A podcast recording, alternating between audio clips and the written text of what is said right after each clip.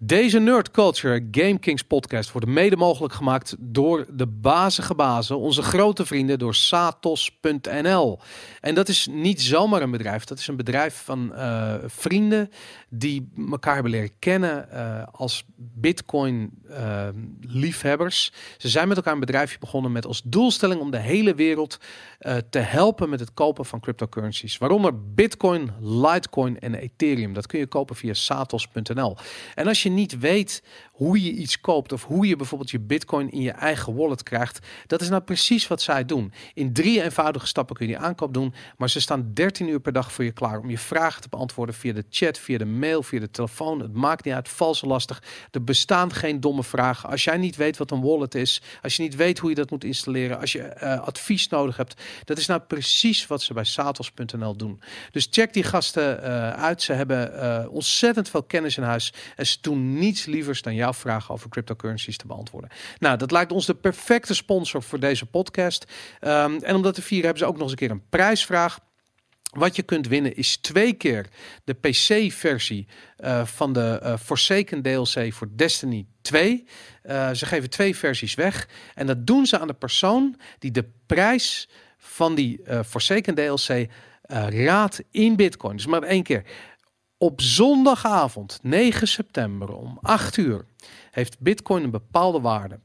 Wat is de waarde van die Forsaken DLC, die op dat ogenblik 39,99 euro kost? Wat is die 39,99 euro waard in Bitcoin? Geef het aantal Satoshi aan en doe dat op Instagram, op het GameKings kanaal. Ga onder de post van die prijsvraag staan uh, en zet daar zo en zoveel Satoshi uh, gaat die DLC kosten. Nou, de persoon of de personen die het dichtste bij die, um, die, die, die prijs zijn die het op dat ogenblik is, uh, die maken kans op een van die twee uh, PC-codes voor de Forsaken DLC voor Destiny. Goed, we hebben een gast vandaag, een hele bijzondere gast. Het is uh, iemand die ik ontzettend hoog heb zitten. Het is iemand die binnen zijn spectrum misschien wel het beste is in Nederland in wat hij doet. Ik heb het over Aaron van Weerdem. Hij is Bitcoin-journalist. Hij doet dat in het Nederlands, maar hij schrijft ook in het Engels voor alle grote publicaties, waaronder bijvoorbeeld Bitcoin Magazine. Hij is een Bitcoiner van het aller, allereerste uur. Hij heeft alles meegemaakt. Hij weet er ontzettend veel vanaf. En hij is ook nog eens een keer een hele toffe gast. Dus ik ben blij dat hij hier is. Aaron van Weerdem.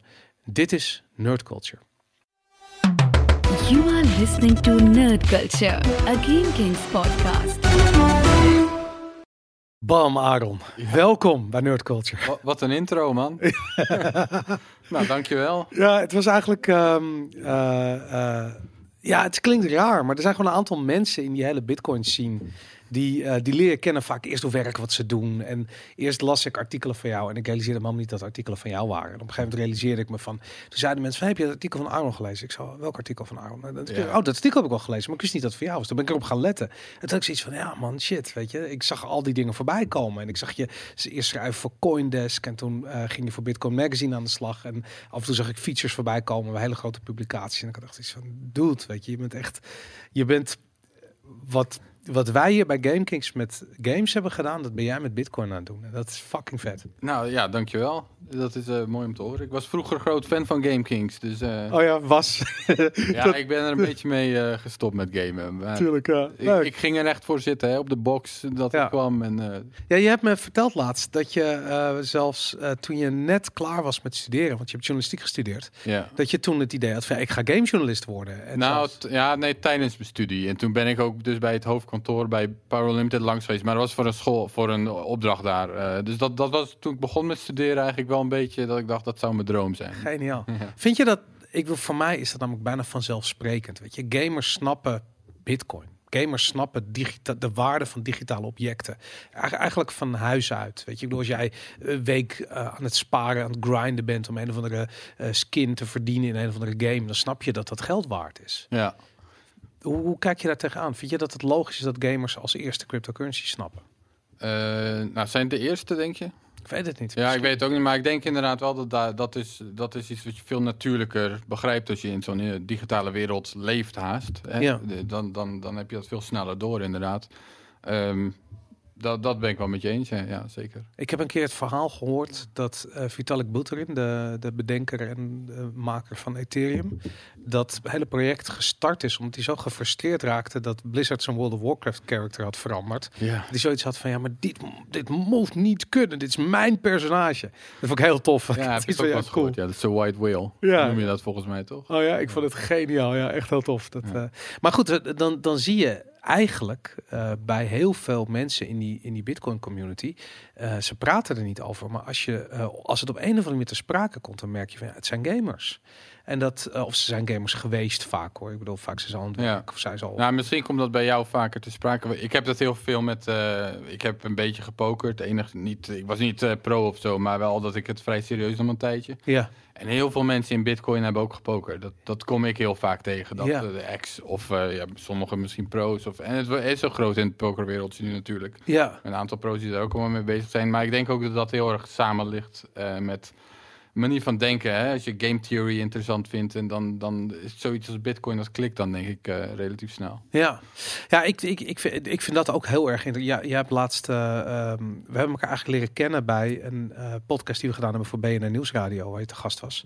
En toen vertelde je ook dat er eigenlijk best wel een grote ehm, eh, vergelijking is tussen wat er in altcoins aan de hand is en wat er in poker gebeurde op een gegeven moment. Ja.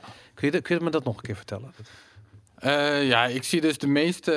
eh, oh, ja, hoe ging dat verhaal? Nou ja, goed, ik zou het, het zal gewoon opnieuw vertellen. Eh, Ja. Dus inderdaad, de meeste altcoins, denk ik, die bestaan alleen maar om te speculeren. Dat is eigenlijk het enige wat mensen ermee doen, is speculeren op een prijsstijging en daling. Ja. En dat doen ze dan vaak op basis van grafieken hè, die ze tekenen op, op, op, een, op een scherm. En, eh, en dan, eh, dan, zie je een, dan zie je een head and shoulder, of weet ik wat ze allemaal zien. Mhm.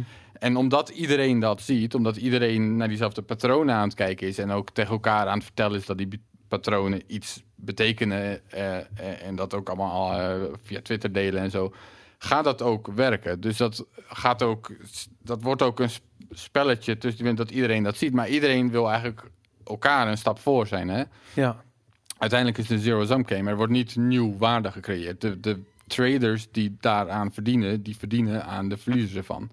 Nou ja, en wat ik du- dus, eh, hè, dat, daar zie ik zeg maar eh, het pokerachtige met die patronen. Dat je het- elkaar steeds een stap voor probeert te zijn. Dat, daar zit Ja. een soort van strategie, komt daarbij kijken. en bij poker heb je natuurlijk letterlijk dat de personen aan tafel die winnen, winnen van de personen die verliezen aan tafel. Dat is Ja, heel of- zichtbaar. Ja, of online hè. Ja, tuurlijk. Ja. Of letterlijk of figuurlijk aan tafel. Precies. Ehm, maar goed, wat je met poker hebt gezien, en dat verwacht ik dat dat ook gaat gebeuren met de altcoin-markten, eh, is dat na een tijdje, als je niet go- zo goed kan pokeren, dan verlies je dus je geld. En dan ten eerste is dat niet echt leuk. En ten tweede, op een gegeven moment ben je misschien gewoon letterlijk blut. Dus die mensen stoppen. Vroeg of laat stoppen die ermee. Ja. Dus hè, de, de slechtste 10% die stopt er dan op een gegeven moment mee. Nou ja, dan heb je de mensen die overblijven. Daarvan gaat de slechtste 10% na een tijdje ook weer stoppen.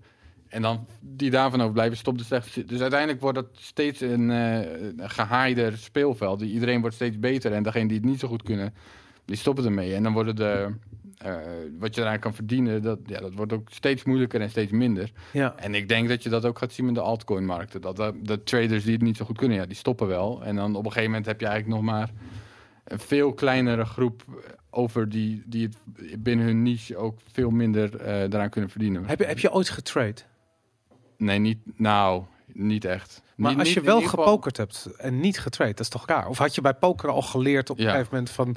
De, de, eh, weet je, als je niet bij die top 10... pro- Dat hele principe had je al geleerd. Bij poker kreeg ik op een gegeven moment door van, nou, als je hier goed in wil worden, dan eh, kom je op het punt dat het niet meer leuk is. Dan, Ja. dan is het geen spelletje meer, maar dan is het je werk en dan is het stressvol werk en dan moet je al je tijd insteken, of in ieder geval heel veel tijd. En dat, dat, zo wil je eigenlijk niet dat je leven eruit ziet. Nee. Eh, hè, er zijn misschien de 0,01% pro's die het in het internationale circuit meegaan. Dat is misschien nog leuk, maar al die grinders achter hun scherm, ja, dat is echt niet leuk. Nee. Dat, dat wil je niet als carrière, denk ik. En dus uh, toen ik dat zag in dat, dat traderswereldje, zag ik, ja, dat is volgens mij hetzelfde idee. Dus daar ga ik niet, eh, Dat is absoluut daar hetzelfde. ga ik niet aan beginnen. Ja, ik heb, ik heb het ooit geprobeerd en ik moet zeggen dat het, ja, het werkt. Je verdient geld, maar je hebt, ik bedoel, als jij niet tonnen hebt om eh, eh, bij wijze van spreken eh, in te zetten in je, in je hefboom eh, positie, dan, ehm, ja, dan ga je er gewoon niet zo heel veel mee verdienen. Dan. Nee, dat is natuurlijk ook. Je moet ook ondertussen leven van het geld wat eigenlijk waar je mee moet spelen. Ja. Hè? Dus dat is met poker en tweede beide zo. Dus dat, is, dat levert best wel veel- veel stress op. Dat eigenlijk jou... Hè, een, een timmerman die heeft een hamer om mee te werken en een zaag. Maar nu ben je zeg maar zelf met je hamer en zaag aan het inzetten om daar dan mee te, Ja. van te kunnen leven. Ja, dat, eh, En je betekent dat je altijd op achterstand staat. Want je hebt gewoon altijd meer geld nodig. En je bent altijd je geld aan het uitgeven aan andere dingen dan aan het traden. Dus dat gaat niet werken op die manier. Dat, eh, ja. ja, interessant. Hoe, eh, hoe ben je zelf in Bitcoin terechtgekomen? Ehm, nou, de eerste keer dat ik ervan hoorde was via vrienden. Die waren er eh, sigaretten mee aan het kopen op de Silk Road. Uit Moldavië voor een euro per slof of weet ik hoe goedkoop dat was.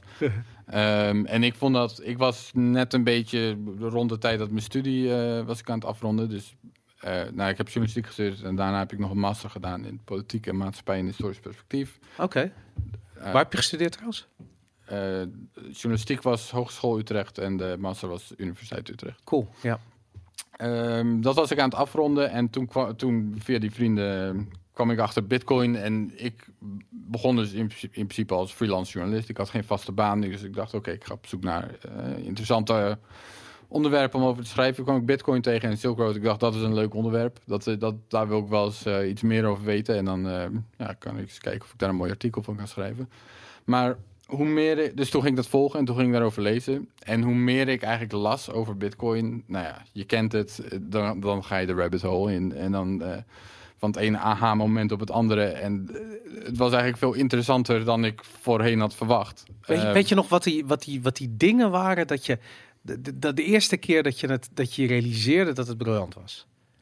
Nou, wat ik nog heel goed weet is dat ik toen ik voor het eerst las de, die zin die Satoshi in de Genesis-blok heeft gezet. Van, ehm, eh, eh, wat, wat, Ja, ik weet het niet, ik heb het wel eens gezien, maar... Ik, Eh, Chancellor on brink of second bailouts for banks. Oké, het goed zeg. ja. Ja, dus die zin heeft hij in de Genesis-blok gezet. En dat heeft soort van twee doeleinden, of we weten het niet. Maar het heeft in ieder geval als doellijn dat hij daarmee bewijst dat de Genesis-blok niet is gemaakt voor die datum. Want anders had hij die... eh, het is dus een, ja, het is een headline van, uit een Engelse krant. Oké, ja, ja, klopt, dat was het, ja. Ja, eh, dus eh, daarmee heeft hij bewezen dat de Genesis-blok niet voor t- 3 januari 2009 kan zijn gemined. Want dan had hij niet geweten wat de headline was. Ja. En ten tweede is natuurlijk een politiek statement. Ja. Hè, met de bailouts voor banks. En Bitcoin biedt daar een alternatief op. Nou, toen ik dat zag, dacht ik: oké, dit is hier zit een groot idee achter. Ja. Dit is meer dan een, een, een anonieme PayPal. Dit is een soort van een voorstel van hoe geld ook kan. En dat, dat is wel een moment dat ik dat las, dat dat, het, eh, dat dat kwartje voor me viel, dat dit is echt wel iets wat heel interessant kan zijn. Is het Maar, ook... maar er ja. zijn heel veel van die momenten natuurlijk, elke keer. Hè. De, de allereerste was dat ik merkte dat de prijs fluctueerde. Want eh, het werd geïntroduceerd in, de, in het kader van Silk Road. En ik dacht dat is een anonieme PayPal. En dat is interessant. Ik Ja. vond dat interessant, want ik ben wel voor privacy en zo. Toen de prijs fluctueerde, toen viel het eerste kwart van... oh, blijkbaar, want PayPal doet dat niet. Dus wat, wat gebeurt hier dan? En toen besefte ik, oh, dat is dus een eigen currency. Echt. Dat, nou ja, dat is het eerste kwartje. En zo gaat het door en door en door en door. Ja, dat is... En dat gaat jaren zo door, hè? Het, het houdt niet op. Nee, het wordt alleen maar erger. Nee. Ik vind dat zo. Ik heb heel veel dingen die ik wil bespreken. En ik weet niet helemaal in welke volgorde. Maar dus ik ga ze gewoon op je, op je afvuren. En, en we moeten maar even kijken hoe dat gaat lopen. Maar als je, als je het hebt over die, die rabbit hole waar je in gaat. Hè? Ehm, en inmiddels zit ik er zo lang in dat ik weet dat de rabbit hole nooit eindigt. Er is niet een doel dat je opeens denkt van... Dude, nu heb ik kennis tot me genomen. Nu begrijp ik de essentie van het universum. Weet je, dat integendeel, hoe meer je leert, hoe minder je weet. En dat is hier bij Bitcoin. Het is, eh, het is heel confronterend. Want in het begin heb je zoiets van: je denkt dat je de techniek begrijpt. Ja, En dan realiseer je dat er economische aspecten zijn aan Bitcoin, eh, maar je weet niks van economie. ja. En dan realiseer je dat er eh, game theorie aspecten zijn aan Bitcoin die je niet eens had kunnen durven dromen, omdat je al die aspecten nog niet door. Hoe, hoe, hoe werkt dat bij jou? Hoe, hoe is Nou, je- die kennis je, zei, je je, zei, je zei het goed, of je zei het bijna goed. Hoe meer je leert, hoe meer je beseft hoe, we- hoe weinig je weet. Ja, Ja. dat is zeker zo. Ehm, hoe, hoe is dat bij mij? Ehm, nou, ik, eh, zoals ik zei, mijn achtergrond is eigenlijk in eh, politiek, of eh, maar mijn achtergrond, mijn, wat ik heb gestudeerd is politieke maatschappij en historisch perspectief- perspectief. En het gaat over hoe organiseren mensen zich? Dat Ja. is eigenlijk een soort van de brede vraag. Hoe kunnen mensen zich organiseren? Wat voor organisatievormen hebben we bedacht over de eeuwen? Dus of dat nou eh, Mhm. feodalisme is of staten of, of alles. eh, de- hoe organiseren mensen zich en wat is effectief en wat is dat niet? Ja. Dus als ik zoiets als Bitcoin tegenkom, dan het eerste wat mij ging interesseren is eigenlijk hoe organiseert dat zichzelf? Ja. Wie is daar de baas? Ja. Wie, eh, wie bepaalt de regels? Eh, en dan ga ik daar naar op zoek. En dan het eerste wat ik denk is, nou, dat zullen wel de, de core developers zijn. Die zullen uiteindelijk, want iedereen zegt wel dat het decentraal is, maar eigenlijk zullen het wel de core developers zijn. Eh, nou ja, op zo'n op zo'n manier ga ik ermee bezig. En toen kwam ik er eigenlijk achter dat om dat te begrijpen, om te- dat die organisatievorm te begrijpen. Het zijn trouwens niet de core developers, zal ik Hm. vast verklappen. Maar om die organisatievorm te begrijpen, ehm, moest ik ook de technologie begrijpen. Ja. Je- Want, het, want het hangt heel erg samen. De, het, het politieke systeem van Bitcoin is embedded in, in het technologisch project dat het is. Dus toen moest ik dat gaan leren. Dus toen moest ik daar weer eh, meer over gaan weten. Dus toen ben ik daarin gedopen, eh, gedoken en onder meer gewoon met developers praten en allerlei vragen stellen die iemand zonder technische achtergrond zou vragen. Dus eh, domme vragen waarschijnlijk, maar daardoor heb ik wel heel veel geleerd. Ja. En uiteindelijk dat ik de technologie best wel goed ben gaan begrijpen. Tot het punt dat mensen me nu eh, technical editor noemen bij, bij Bitcoin Magazine. Ja. Ja. Ehm, en eh, dat vinden mensen trouwens ook leuk van mijn artikelen vaak. Dat ik dus behoorlijk technische onderwerpen zo weet te verwoorden dat het best wel een beetje begrijpelijk wordt. En dat kan, denk ik, dat kan ik voor een groot deel omdat ik dus helemaal geen technische achtergrond heb. Dus ik, ik weet, Hoe werkt dat? nou ja, ik weet wat mensen zonder technische achtergrond ongeveer begrijpen. Ja, ja, Dus ik kan een soort van die, dat is voor mij veel makkelijker om erin te schatten. Nou, als ik het zo opschrijf, dan begrijpt een niet technisch iemand het ook. En eh, voor wie schrijf je? Want ik bedoel, ik heb letterlijk gisteren of eergisteren denk ik artikel gelezen op Bitcoin Magazine. En het ging over de eh, verschillende privacy options Ja. eh, die er voor Bitcoin voorhanden zijn. Of eigenlijk de verschillende opties waar we naartoe aan het werken zijn. Ja. Ja. voor wie schrijf je dat? Ja, Bitcoin Magazine. Vooral Bitcoin Ja, snap ik, maar wie is de lezer van Bitcoin Magazine? Oh, ehm, nou dat zijn wel mensen die niet heel nieuw zijn in Bitcoin. Dus dat zijn niet mensen die er eh, in het afgelopen half jaar bijgekomen zijn. En het zijn Ja. ook niet mensen die, eh, die het eigenlijk niet interesseert. Het zijn mensen die met Bitcoin bezig zijn, die het Ja. interessant vinden. Die er al een tijdje zijn en die denken, nou hoe werkt het allemaal en wat gebeurt er allemaal. Ja, Eh, dus, de, dus ja, medium. eh, dus niet de beginners, ook niet de super experts, want die weten het al, maar een beetje alles daartussenin. Dus wel een Bi- Bitcoin-specifiek publiek. Als je, Ja. ja. nou, het is Bi- Bitcoin Magazine is een uh, bitcoinmagazine.com is een Amerikaanse website volgens mij. Het is Amerikaans toch? Ja. En ehm, ik weet niet, we- weet je, heb je enig idee wat het bereik is? Hoeveel mensen dat lezen? Nee, ehm, ik weet het nog wel vo- voordat de, die hele bubbel begon, of bubbel, die laatste ja. Ja, die, voordat dat begon, dus dan heb ik tegen voor anderhalf jaar geleden of zo, hadden we toch wel, denk ik iets van 200.000 bezoekers per maand uit mijn Ja. hoofd. Maar ik denk dus, of ik weet wel zeker, nu is het een stuk meer. Want Het dat- veel fouten daarvan Ja, dat inmiddels. denk ik, ja. Eh, maar, ik weet, eh, maar ik weet dus niet precies. eh, Dat vind, vind ik nog wel meevallen eigenlijk. Dat, ik bedoel, dat, dat doet GameKings ook wel. Dus dat, eh, maar het was meer dat ik zoiets had van ja, voor Amerikaans publiek. Maar goed, ik, ik denk eerlijk gezegd dat het, wat ik zei, ik, het zou me niet verbazen keer vijf is. Of misschien wel meer inmiddels. Want dat, eh, dat zou goed kunnen, denk Ja. ik eerlijk gezegd. Ja. ja, ja, wat, het- Maar eh, ik- ja. Hey, en, en ehm, als je dan die, die, die rabbit hole ingaat, als je dan eh, eigenlijk je bij elke kennis die je tot je neemt, je realiseert waar je vervolgens naartoe moet en wat je niet weet. Ehm, je zegt van ja, je bent begonnen eigenlijk bij de techniek. Eh, weet je, bij de, de, de, de, de, de, de, de ongrijpbaarheid van de persoon Satoshi Nakamoto. Het hele project lijkt te zijn uitgedacht op een manier dat je zelf de gedachtegang volgt. En je komt uit weer bij het begin dat je realiseert van, maar dit is echt heel erg intelligent. En vooral als je ervan uitgaat dat Bitcoin bedacht is vanuit een context die niet het succes wat we nu hebben, dus de context van Ja. vandaag de dag, Ja. eh, eh, in zich heeft. Dus je moet een heleboel aannames doen over hoe de toekomst eruit gaat zien, hoe techniek gaat werken in de toekomst, hoe, hoe betaalsystemen werken. Al die dingen waren waarschijnlijk aannames. En als je het ziet en als je het naredeneert, heb je zoiets van, het lijkt alsof de persoon die dit bedacht heeft meer wist. Ja, niet bedacht. dat heb ik soms ook wel eens, ja. Ja, Ja, hij, het, eh, dat, dat Satoshi Nakamoto, wie of wat het ook is, die had wel een visie, dat is achteraf gezien alleen maar nog indrukwekkender.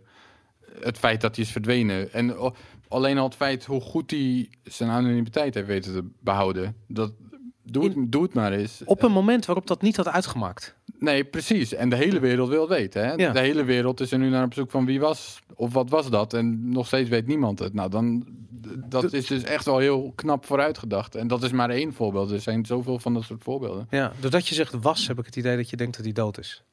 Oh nee, ik heb geen idee. Nee? Of nee. Is dat een theorie? Want dat is natuurlijk een van de theorieën dat eh, een van de ontwikkelaars, of misschien wel de ontwikkelaar die achter de pseudoniem Satoshi Nakamoto zit, eh, is gestorven aan MS.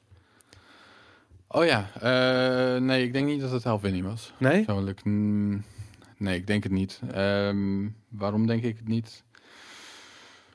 Ehm, Dat vind ik wel heel interessant eigenlijk. Want dat is wel een beetje de, de, de Nick Szabo en Helvini die samen dat bedacht hebben. Eigenlijk nou, ja, omdat hij dan... Dan moet hij dus ook nog eens heel erg goed toneel hebben gespeeld... met de e-mails die hij zich- die, die naar zichzelf heeft gestuurd. ja.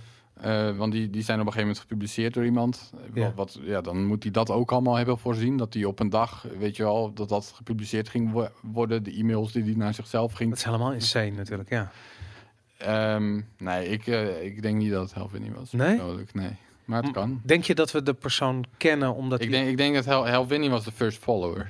En, Ja. dat is, en dat is net zo belangrijk. Ik weet niet of je dat filmpje kent van die dansende jongen op dat festivalterrein. Ja, ja, ja. Hè, met de first follower. En dat was eigenlijk Helvini. En dat vind ik net zo, eh, net zo geweldig eigenlijk. Dat hij als eerst zag van hier zit wat in en ik ga, die, en ik ga je mee helpen. En, eh, Ja, want, want de, ehm, je zou kunnen zeggen dat het Bitcoin-project eigenlijk voortkwam uit een aantal projecten die door een groep eh, programmeurs en activisten eh, al geïnitieerd waren. Ik bedoel, BitGold is een project van Nick Szabo volgens mij. Of, of eh, ja, je had een aantal van die dingen. Ik heb ze even door elkaar gehad, maar een aantal van die projecten waarvan je zou kunnen zeggen, weer de eigenschappen van al die projecten is eigenlijk ehm, eh, eh, het resultaat daarvan is eigenlijk Bitcoin.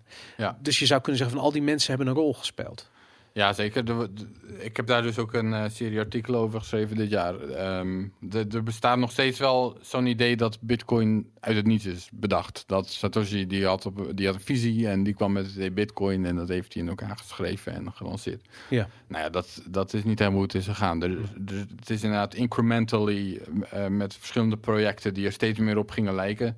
Ja. Eh, dus vanaf, je kunt al vanaf eh, e-cash kun je gaan denken, dat was gewoon anoniem. Dat was wel eigenlijk een soort anonieme PayPal. Ja, Eh, ook, dat was ook niet een eigen valuta. Dat, was, ehm, eh, dat, dat moest via banken gewoon. Maar dan kon je dus anoniem betalen. Dus anoniem, ja, echt cash ja, systemen. En waar, waarbij cash dus stond voor anonimiteit en privacy. Want nu wordt er vaak gedaan alsof dat staat voor goedkope transacties.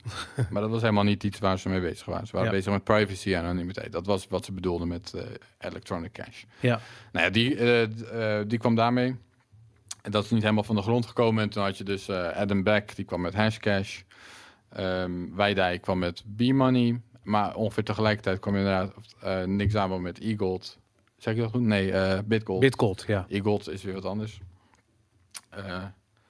En ehm Bitcoin, dat leek al best wel op Bitcoin. Daar, daar zaten al wel heel veel gelijkenissen met Bitcoin tussen. Alleen, ja, het was gewoon niet zo praktisch. En Bi- Bitcoin, een soort van die laatste mile of de laatste, de laatste paar stukjes van de puzzel, die zijn bij Bitcoin eh, bij elkaar gekomen. Maar, dus, maar eh, ja, het zou ook best wel Zabo kunnen zijn, hoor, denk ik. Ja? Ja, ik denk eerder aan Zabo dan Vinny. Maar het kan ook gewoon iemand heel anders zijn. Die... Maar, maar de, de persoon die, ehm die Satoshi Nakamoto is, of de persoon of weet ik veel wat, die hebben toegang tot een key waar een miljoen bitcoin op staat.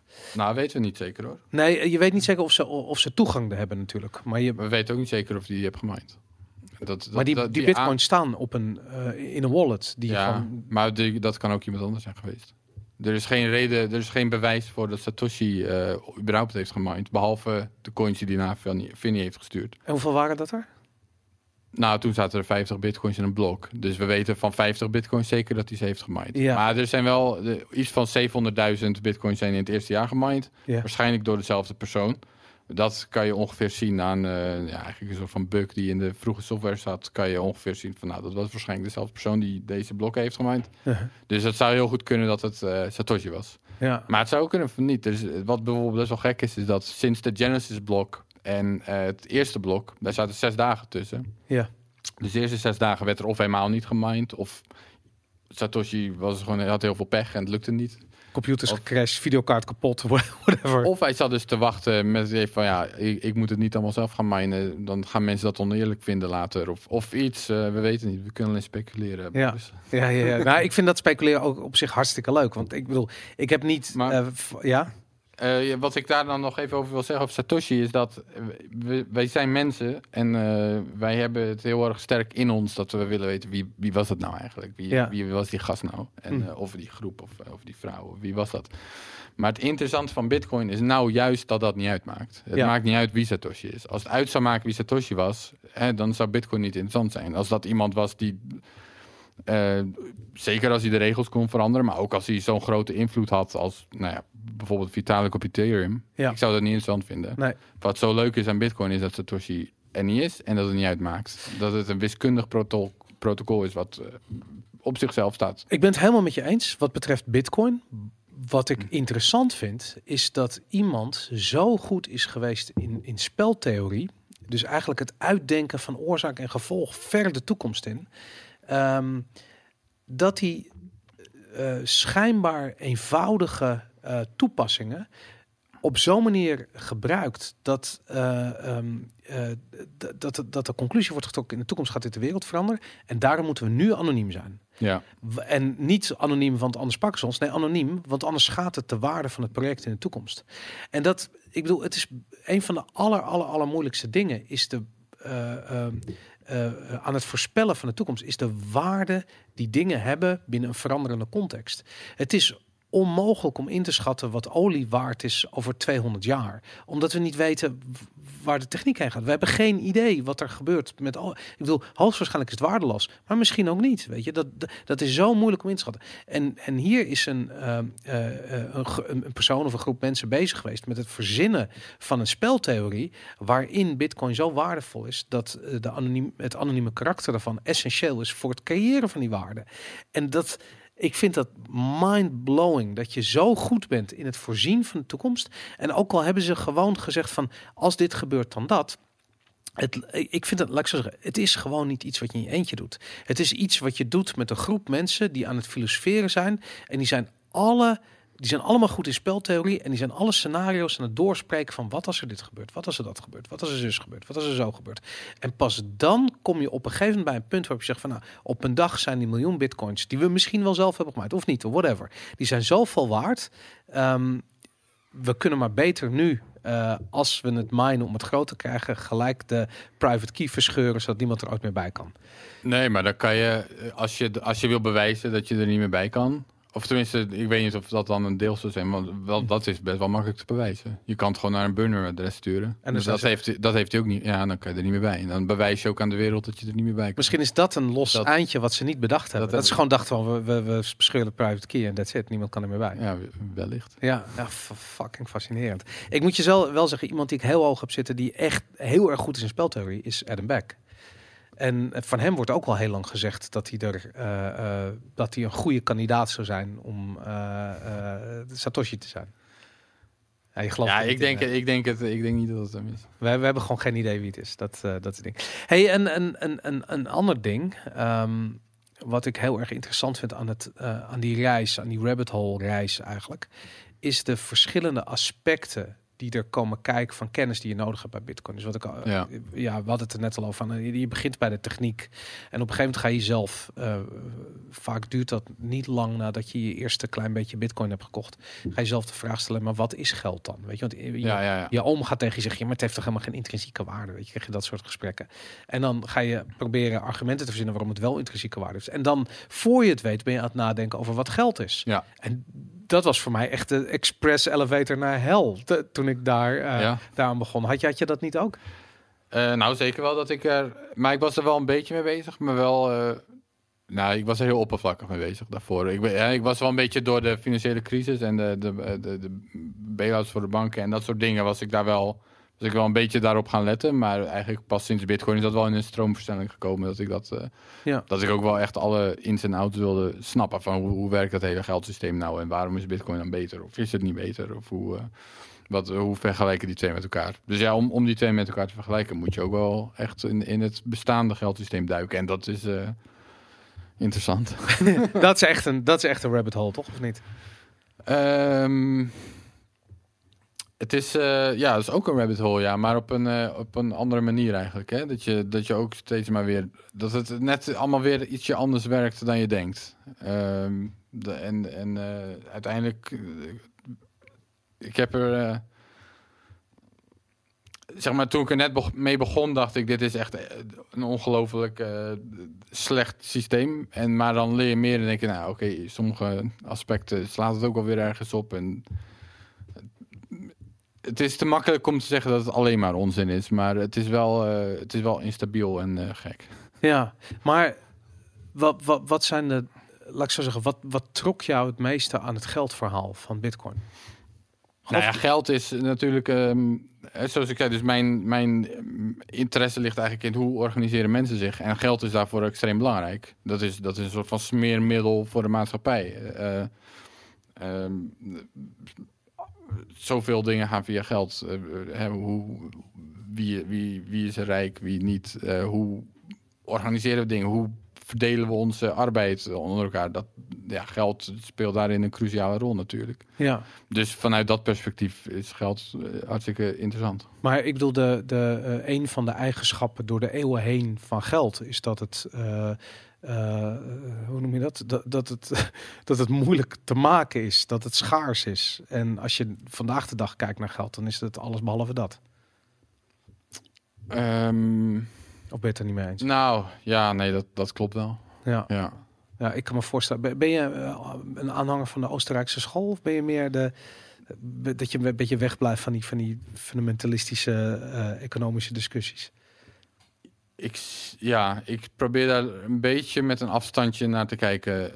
al, als een soort van verschillende ideologieën die je met elkaar kunt vergelijken. En die allemaal hun voordelen en nadelen hebben. Ja. Eh, zo zie ik het eerlijk gezegd wel een beetje. Dus ik ben niet full-blown Austrian of full-blown Keynesian. Of ik, ik probeer ernaar te kijken en eh, op een analytische manier en te denken van nou, dat, dat zijn de sterke punten van dat systeem en dat zijn de sterke punten van een ander systeem.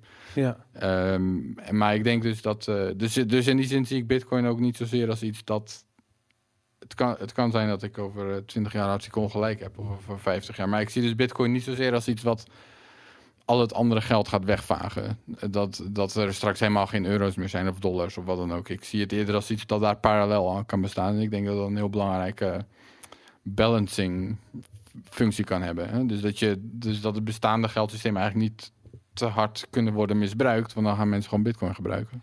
Dus die, de competitie die het eigenlijk introduceert, die eh, competitie kan voor evenwicht zorgen of kan, kan de boel eerlijk houden, denk ik. Maar juist als het om geld gaat, die keuze is over het algemeen vrij binair. Weet je, ik bedoel, je, je gaat niet denken van nou ga ik mijn koffie vandaag betalen in Turkse lira of ga ik hem in euro's betalen. Weet je, ik bedoel, je hebt niet zoveel opties vaak. Ook omdat het een wisselwerking is tussen twee partijen. Ja, maar nu heb je dus de eh, keuze soms tussen bitcoin en euro's. Eh, ja, in theorie, Kijk, ja.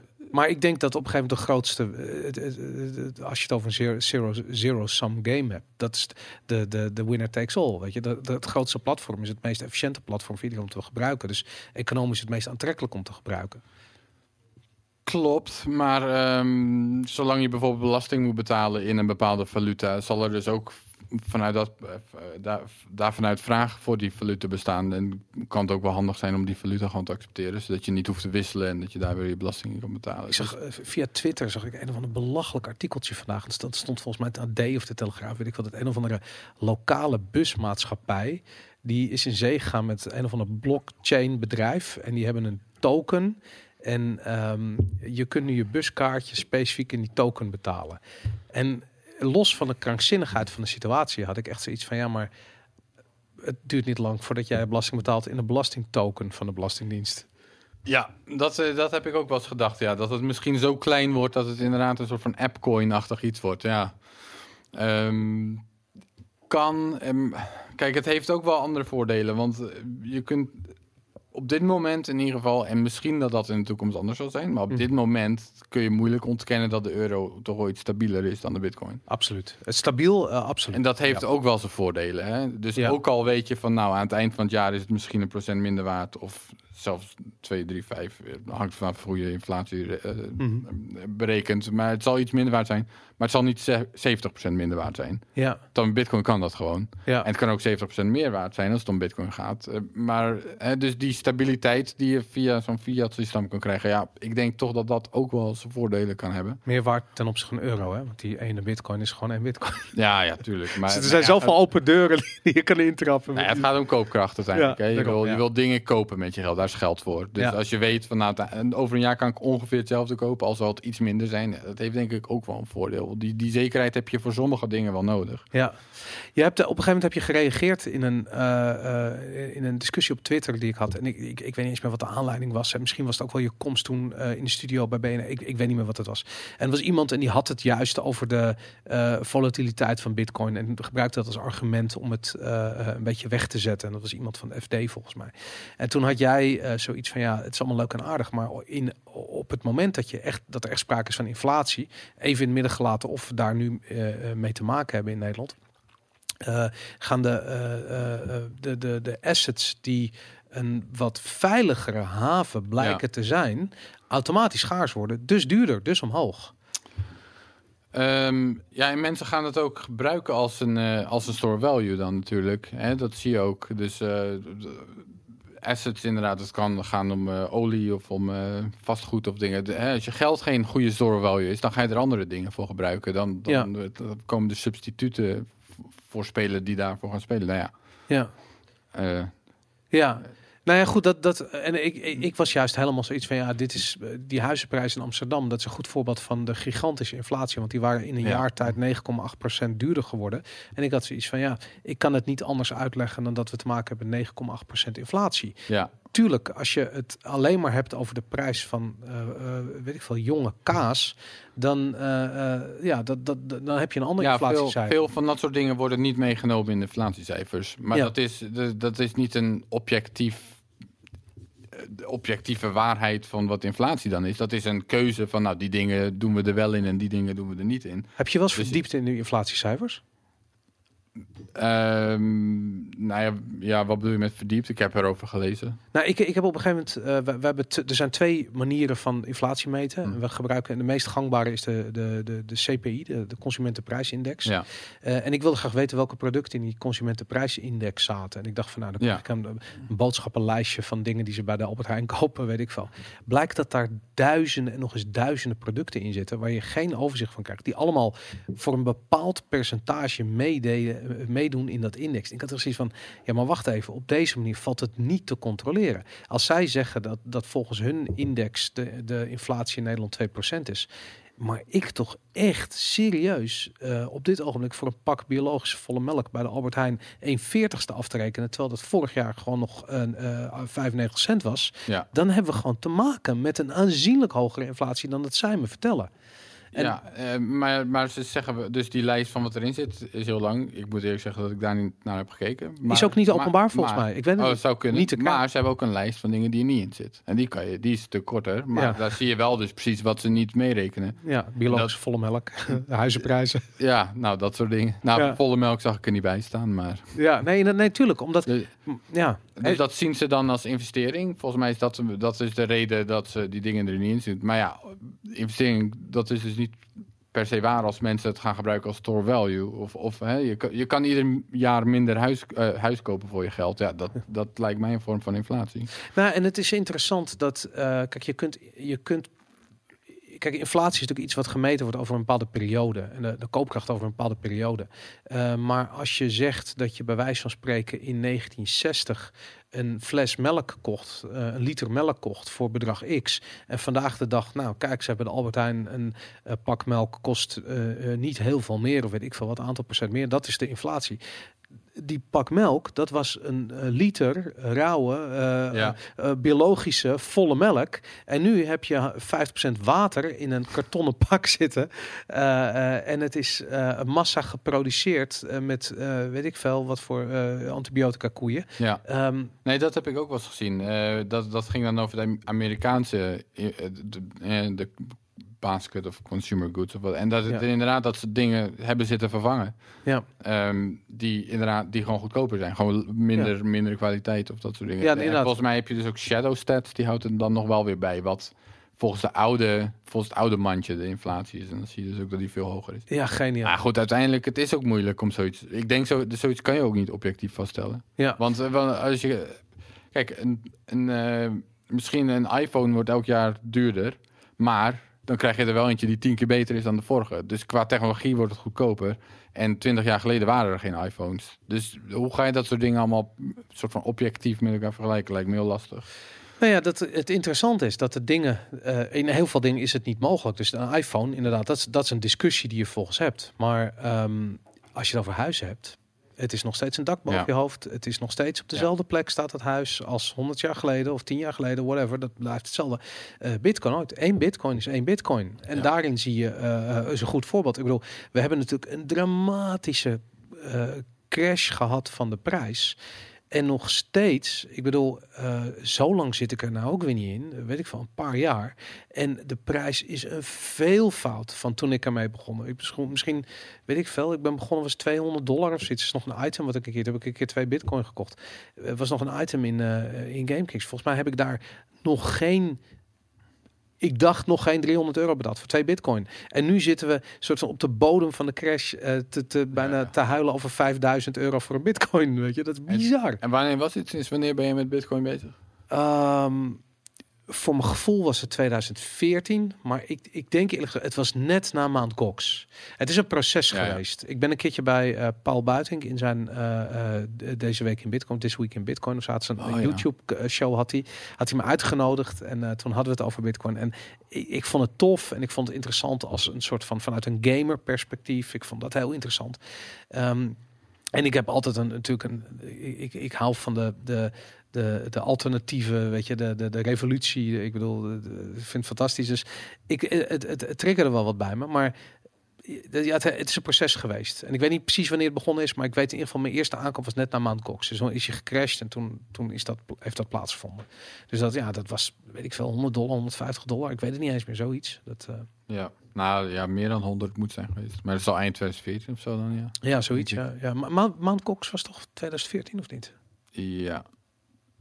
Ja, Ja, ik weet niet meer welke maand of zo, maar... Ik dacht dat december 2014 was en dat ik misschien begin 2000. Nee, dat denk ik niet. Nee? Ik denk eerder januari of begin 2014, Oh ja? zou ik zeggen, ja. Ah, oké. Nou, Of, of nou, je had natuurlijk je had die hele run-up in 2000, laat 2013, waarvan mensen nu zeggen dat dat door de Willybot kwam. ja. Of in ieder geval dat die heeft geholpen. En, maar de- en toen is Mount Gox nog heel lang onzeker geweest. Maar wanneer het precies is geklapt, weet ik niet meer. Ja, oké. nou goed, dat, eh, ik, ik, weet, ik weet het ook niet. Maar anyways, dat, eh, ja, dat, dat was voor mij een beetje het begin. Maar goed, als ik nu erop terugkijk, ik, ik wist er echt helemaal geen hol vanaf.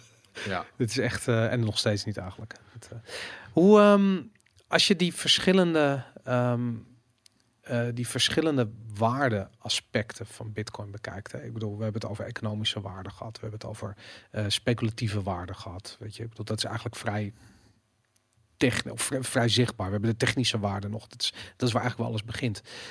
Wat zie je nog aan Bitcoin toegevoegd worden als je het hebt over verschillende waardeaspecten? Eh, en met, en met waarde, spakt, bedoel je daar use case mee achter? Nou, wat ik eigenlijk meer bedoel is dat ik, ik zie Bitcoin veranderen. ja. Weet je, na Segwit is Bitcoin een ander project geworden. Niet dat, het, dat een Bitcoin niet nog een Bitcoin was. Het is hetzelfde in de basis. Mhm. Alleen op dat ogenblik zag ik van wow, weet je, nu opeens is het risico om een Bitcoin te kopen veel kleiner dan dat het was toen het 100 dollar was, bij wijze van, of toen het 1 dollar was. Ja. Terwijl de, de prijs in euro's hoger was, was het risico wat je ermee liep veel kleiner. En waarom? Omdat er een, er was een het, het, het project had een evolutie doorgemaakt. De, de gebruikers zijn voor het project gaan liggen. Daarmee Ja. is eigenlijk de waarde van die community is toegevoegd aan, die, aan het project. Dus aan, in dit geval aan Bitcoin. ja. En ik voelde dat echt. Ja. Ik zag het echt. En ik heb het idee van, dit gaat niet de laatste keer zijn. Er gaan meerdere waardes worden toegevoegd aan Bitcoin. Ja, dat, dat vind ik een heel goed, eh, heel goed punt. Dat heb ik ook wel zo gezien of ervaren. Dat eh, hè, toen ik, waar ik het over had, dat ik eh, eigenlijk net met Bitcoin bezig was. En dan ging- zoeken van, nou, wie, wie gaat er nou eigenlijk over het project? Of wie, wie bepaalt die dingen nou? Op dat moment was er wel een heel erg ehm, passieve houding van de community inderdaad. Dat de core developers, nou, die bepalen het eigenlijk. Hè? Of de miners, of het was een beetje vaag, maar in ieder geval wij niet. De, Ja. de, de normale gebruiker, die, die heeft daar geen rol in. Mhm. En ehm, eh, toen dat hele scaling debat begon, toen zag, mensen, toen zag men dat nog steeds zo. Van nou, wat gaan de core developers bes- beslissen of wat gaan de miners beslissen? Dat was echt een beetje de, de houding die over het algemeen een beetje bestond.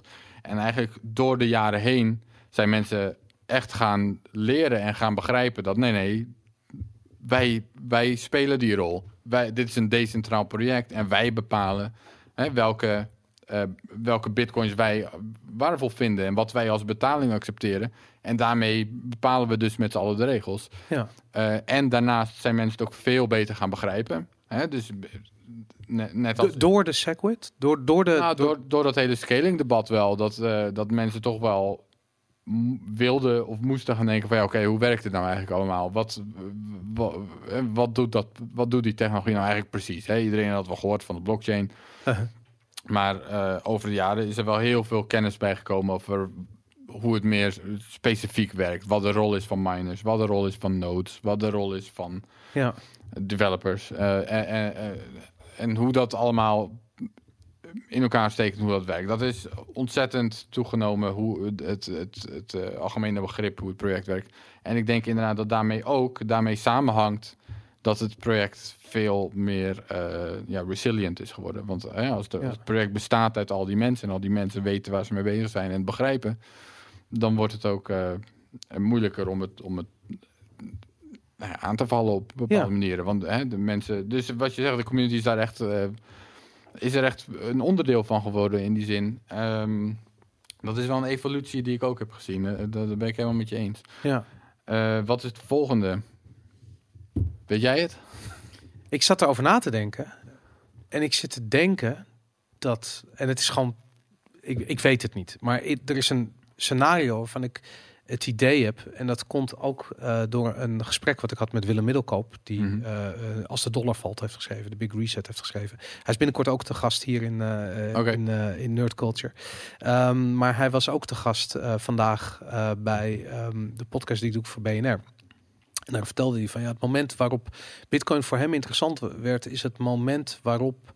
Eh, en hij is heel sceptisch geweest van huis. Het altijd over Bitcoin, omdat hij Mhm. helemaal geen goud was. Ja. Maar ehm, de reden, eh, eh, de, laat ik zo zeggen, goud als oplossing. Voor hetzelfde kun je Bitcoin als oplossing nemen. Ik zeg Ja. maar wat, weet je. Dat voor mij is Bitcoin de oplossing, maar voor hem was dat goud. Maar Mhm. wat erachter ligt, de onvrede over het systeem en de corruptie en de manipulatie die je ziet, ehm, eh, die is gelijk.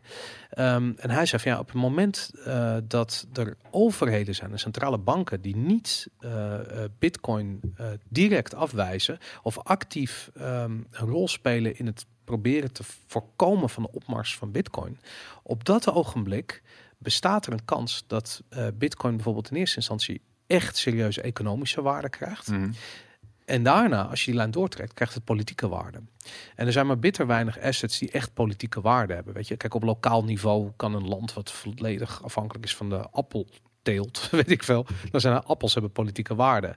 Maar over het algemeen, als we kijken naar het wereldtoneel, dan heb je ehm, eh, eh, eh, olie, eh, goud. Ehm, fiat is een asset, denk ik, die eh, toch politieke waarde heeft. In ieder Ja. gebruikt was als politiek instrument. Ehm, en de vraag is van, gaat Bitcoin daarbij aansluiten? En we hebben een heel klein beetje de eerste, eh, hoe noem je dat, draadjes die loskomen uit het systeem gezien. In Venezuela, in India, zoals nu, Noord-Korea, in Turkije, Rusland. En je ziet daar allemaal dat er gekeken wordt naar, naar Bitcoin. Ehm, of soms noemen ze het blockchain, maar eigenlijk gaat het natuurlijk altijd over Bitcoin.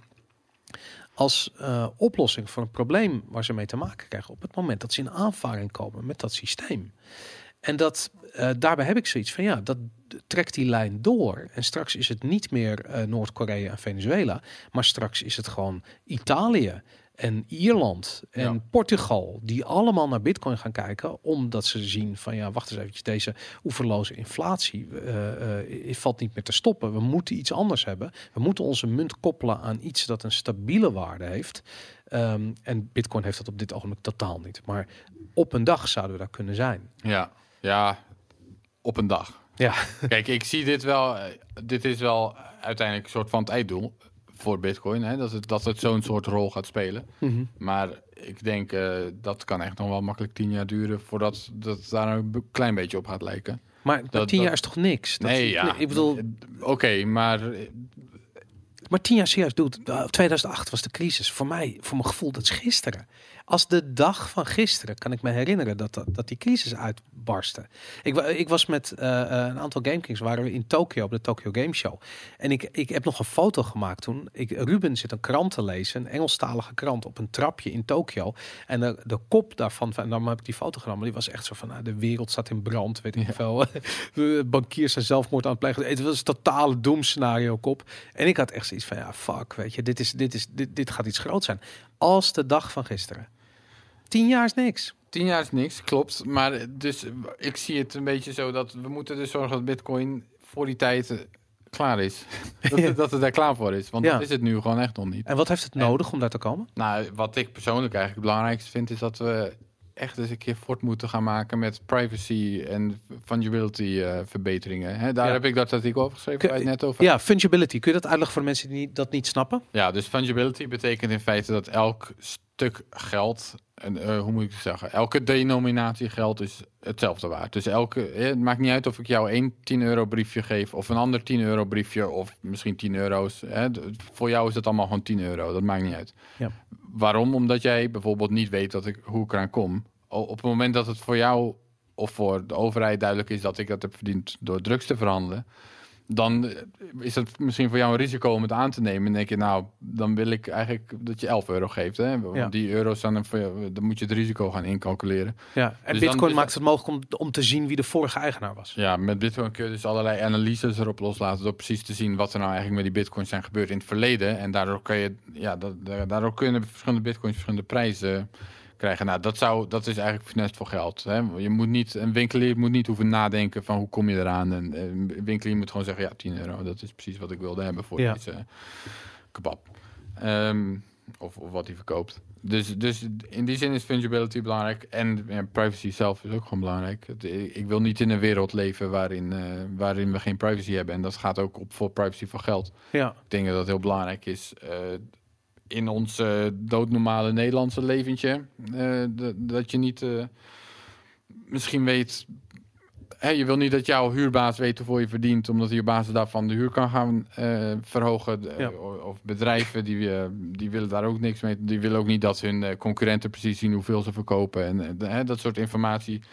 Dat is belangrijk dat we, we moeten privacy hebben als het gaat om geld. En, en dat, is dan, dat zijn Nederlandse voorbeelden. Als je denkt aan Venezuela of eh, de mensen waar bit- eh, landen met dictatoriale regimes waar ze bitcoin gebruiken om in leven te blijven. Of, eh, of neem Wikileaks als een voorbeeld. Hè. Wikileaks kon in leven of, of kon in stand blijven ondanks een banking blockade door bitcoin te gaan accepteren. Ja. Nou ja, op het moment dat dat. eh, da- nou ja, dan komen we dus weer bij het fungibility eh, stuk uit eigenlijk. Hè? Dus dat je misschien die bitcoins van Wikileaks niet wil aannemen, want dan word je gezien als een soort van medeplichtige. Ja. Dus dat is weer slecht voor, eh, voor de fungibility. Maar goed, ja. Dat, dat zijn eigenlijk dus privacy fungibility. Dat gaat een beetje hand in hand, maar dat is. eh, ik, ik zou heel graag zien dat dat, dat, dat, dat moet echt goed verbeterd worden. En hoe gaat, dat, hoe gaat dat technisch eruit zien? Hoe vind je dat dat... Ik bedoel, Andreas Nee, ja. ja. Hoe, hoe, hoe gaat wat- wat is privacy? Wat is een optimale vorm van privacy voor Bitcoin? Ehm, ja, voor Bitcoin, dat is enigszins lastig hoe ver we daarmee kunnen gaan en hoe ver we daarmee willen gaan. Ehm, lang verhaal, maar eh, Bitcoin heeft nu on-chain, dus hè, dat, is, dat is niet private. Dus dan moet je eigenlijk, je kunt wel met eh, best wel goede mixing strategieën komen. Dat En- betekent dat je bitcoins overmaakt naar een adres die ze door elkaar mixt met andere transacties en dan weer terugstort. Ja, eh, nou ja, maar die persoon waar je het naar stuurt, die kan het niet stelen. Je bent gegarandeerd om je bitcoins terug te krijgen. Dat kan je met allemaal wiskundige foefjes eh, kan je daarvoor zorgen. En eh, ten tweede kan diegene waar je het naar stuurt ook zelf niet weten wie nou eigenlijk wat kreeg. Dus Ja. daar ook weer met wiskundige trucs kan je heel veel ervoor zorgen dat dat, eh, dat, dat wel goed zit. Eh, dan heb je nog wel een klein beetje het probleem eventueel dat ook al weet je dus eh, dan heb ik bijvoorbeeld met honderd andere mensen hebben onze bitcoins samen gemixt. En dan weet niemand dus meer wie welke bitcoins had of wie wat hij in het verleden heeft gedaan of wie het heeft gekregen via Wiki- Wi- WikiLeaks of om door kebab te verkopen. Ehm, maar je kunt wel zien dat het is gemixt zelf. De, hè, dus je weet wel van nou die persoon heeft iets gemixt, dus misschien heeft hij iets te verbergen. Ja. En misschien is Want dat je ziet het adres waar het naartoe is gegaan. En als dat adres een mixeradres is, dan weet je wat er aan de hand is. Nou, nee, je ziet het niet aan de mixer eh, adres, maar je ziet het wel aan de, aan de soort transactie. Want eigenlijk is het gewoon een soort transactie die je. Wat je doet is, je, we, we, we hebben 100 transacties. Van we sturen allemaal geld naar onszelf, naar een Ja. nieuw adres wat we hebben aangemaakt. En daar maken we één grote transactie van. Ja, oké. Dus dan heb je 100 a- verstuuradressen en 100% verzendadressen. En iedereen krijgt zijn bitcoins terug, maar iedereen krijgt andere bitcoins. Hoe heet die eh, techniek? Ja, dit heet CoinJoin. CoinJoin, inderdaad, ja. Dat is eigenlijk de beste strategie die we hebben, denk ik, zo'n beetje. Ehm, maar goed, er er zitten allerlei dimensies aan. Dit werkt best wel goed, dus, maar je hebt misschien nog het nadeel dat het... eh, je ziet dat mixen zelf wel en misschien wordt dat dan weer verdacht. Maar er komt ook weer zoiets aan als snor, eh snor signatures. En daarmee kan je dit soort transacties goedkoper maken. Ja. Waardoor er eigenlijk ook een incentive is voor mensen om dat te gaan doen. Ook al geven ze niet om privacy. Hè? Dus dat, dat verbetert dan eigenlijk... Als meer mensen het gaan doen, dan, dan is het minder verdacht. En wat, wat is er voor nodig om dat in Bitcoin in te bakken? Nou, daar, ja, Snor is dan een softfork. Dus Ja. dat zou wel weer een. eh, dus wat daar technisch gezien voor nodig is, is een economische meerderheid ehm, die dat wil. Ja. En, eh, en, en, ja, dat, dat- en, en dan uiteindelijk gaat het vaak via miners. Maar, of tenminste, dat, dat gaat via miners. Maar in principe is er een economische meerderheid voor nodig om die miners zover te krijgen. Ja. Ehm, of de miners kunnen het zelf doen. Of, ehm, maar ja, het, eh, het, het kan wel een lang verhaal worden. En het kan, als er mensen tegen zijn, dat is eigenlijk het grootste probleem. Als, er zijn misschien ook wel bedrijven en, of exchanges of allemaal dat soort dingen die regulators in, in hun nek hebben eigen, die dat eigenlijk misschien niet willen. En die dat weer gaan zitten tegenwerken. Of, ja, maar als het in het protocol zit, dan kun je er wel tegen zijn. Het zit er gewoon in, weet je? Ik bedoel, als ja, wij... maar, de, maar de, de vraag is dus, hoe krijg je het erin? Dat is, dat is nog niet, dat is niet super makkelijk. Hè? Segway, dat heeft ook... eh, maar dat was wat denk ik... in de aarde dat- gehad. Ja, het had meer voeten in de aarde dan dat privacy moet worden toegevoegd aan Bitcoin, denk ik. Of niet? nou, weet ik niet. Nee, ben ik gewoon... ik, Ik, ik, ben gewoon... hoop dat je gelijk hebt, maar Ja. eh, dat weet ik dus niet. Oké, en CoinJoin, wat is daarvoor nodig? Daar is niks van hoog, dat kan gewoon nu. Oké, Ja, dus, en is dat een, een, een, een, een, ehm, eh, een, een, een, laat ik zo zeggen, een, een toevoeging op Bitcoin in het in een soort van core protocol of op de Nee, base layer? Of is dat een, een second layer oplossing? nee, nee, nee eh, dat eh, is gewoon on-chain in principe. Dat is niet, dat is, eh, het is niet zo ingewikkeld. Oké. Tenminste, het is vast heel ingewikkeld, maar er is geen protocolverandering voor nodig. Of het kan gewoon nu. Er, is En- al, er zijn al wallets die het aanbieden. Samurai Wallet volgens mij, Wasabi We Wallet. zijn ermee bezig. Ja, ja, heb ik uit jouw artikel. Ja. Zo, ik doe wel eens slim erover, maar ik heb het gewoon uit jouw artikel. Ja, meestelijk.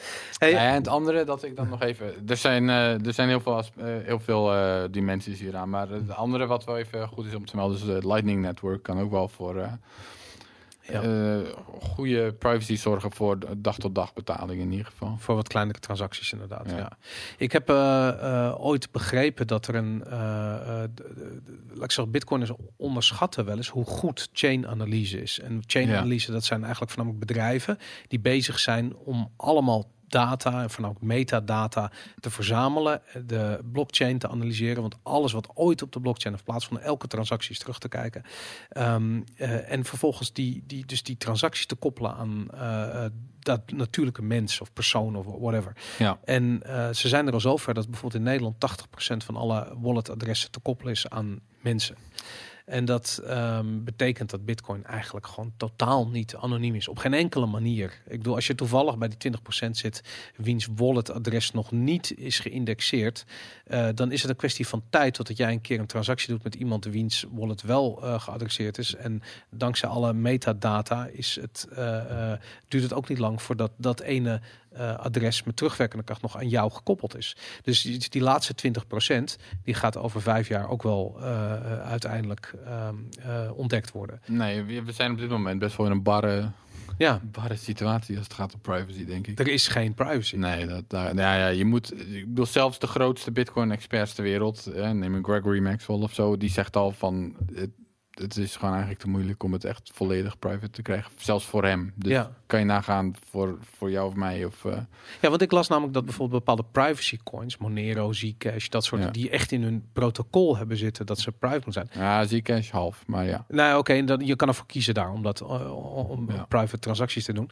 Ehm, eh, daar is zo, daar zijn zo weinig transacties dat het hele systeem niet meer werkt. Ehm, over Monero of Zcash of beide? Ja, eigenlijk was dat Nee, over denk- Monero inderdaad. Ja. Ja, nou, ik denk dat het wel werkt hoor. Alleen, eh, je moet het niet gebruiken. Ik, ehm, ik moet even oppassen dat ik geen dingen zeg die onzin zijn. Voor Zcash weet ik het zeker. Voor Monero zou ik even over moeten nadenken. Maar je moet het niet gebruiken als mixer. Dus Ja. je, hè, zoiets als Zcash, je moet niet denken van... oké, ik gebruik even een blinded transaction om een soort van te mixen... en dan ga ik weer unblinded en dan zijn mijn coins clean, zeg maar. ja. Dat werkt niet. Je moet het wel echt eh, gebruiken als geld, zeg maar. Dan is, dan is Zcash wel heel erg private, hoor. Als we er even vanuit gaan dat al die, eh, die moon math eh, werkt zoals, zoals, we, Ja. zoals ons wordt verteld. Ehm, en Monero werkt ook, ik denk dat wel ook een beetje hetzelfde verhaal, denk ik. Als je het, zolang je het gebruikt als geld, dus niet als mixer, dan, dan is het best wel goed. Ehm, maar, maar Monero, eh, ja, die, die, hebben, die coins hebben allebei weer hun eigen problemen. Waar, kijk, en je houdt denk ik het probleem wat ik zeg over mixen op Bitcoin, dat dat zelf misschien verdacht wordt. Mhm. Dat zou natuurlijk ook bij dat soort coins kunnen werken. Gewoon überhaupt Monero gebruiken. Waarom doe je dat? Dat is al verdacht. ja. En, en je ziet dus nu al dat exchanges als Coinbase, die gaan er gewoon niet aan. Nee. Dus dat, is gewoon, dat heeft dan een gelimiteerde voordeel van ja, oké, je bent wel private, maar je kan het bijna nergens gebruiken, want niemand wil überhaupt hun vingers eraan branden. ja. Dus, eh, dus Speculatieve- en, en ik denk dat Bitcoin is die drempel wel voorbij. Ja. Hè? Want dat zit al in Coinbase en BitPay en noem het, eh, noem het dan maar op. En nu moeten we er even voor zorgen dat het ook nog private wordt. ja. En in die volgorde denk ik dat je wel een kans maakt. Eh, Fascinerend, ja. Ik, ik, ik had nog één dingetje over, over de- basis van Bitcoin. En dan denk ik dat we dat onderwerp wel, wel, wel gehad hebben. Maar ehm, eh, toen Bitcoin bedacht werd, is een van de grote doorbraken is het, eh, is het oplossen van een hele oude wiskundige eh, slash filosofische vraagstuk. En dat is het probleem van de Byzantijnse generaal. ja, En, of eigenlijk de Byzantijnse generaals. En het idee was dat een, een, een denkbeeldige situatie waarin een, een stad belegerd wordt door twee generaals. En het is belangrijk dat die generaals op hetzelfde moment de aanval in gaan zetten. En de eerste generaal die stuurt een boodschapper naar de tweede generaal. Hoe kan die eerste generaal weten dat die boodschapper is aangekomen? Dat hij niet vermoord is onderweg en dat er een boodschap veranderd is. En dat er dus een andere boodschap bij die tweede generaal eh, aankomt. Ehm, en dan zijn er allemaal mensen die zeiden van, nou ja, we zouden bijvoorbeeld een tweede boodschapper kunnen sturen, maar die kan ook vermoord worden. Mhm. Of we zouden duizend boodschappers kunnen sturen en een gemiddelde nemen. Of we zouden eh, eh, een miljoen boodschappers kunnen sturen, maar die zouden allemaal vermoord kunnen worden. Dus hoe kun je zeker weten dat die boodschap onveranderd aankomt bij die tweede generaal? En met andere woorden, hoe kan die tweede generaal ook weer een boodschap terugsturen en zeggen van ik heb het begrepen, we gaan om drie uur 's middags aanvallen, whatever. En je weet zeker dat dat de originele boodschap is. En dat, ehm, toen ik daar voor het eerst over eh, las, vond ik het fucking fantastisch. Omdat ik zoiets had van ja, maar dit is het probleem wat heel erg veel ehm, voorkomt in onze maatschappij. En dat is namelijk dat iemand zal zeggen, ik ga wel kijken of die boodschap goed aankomt.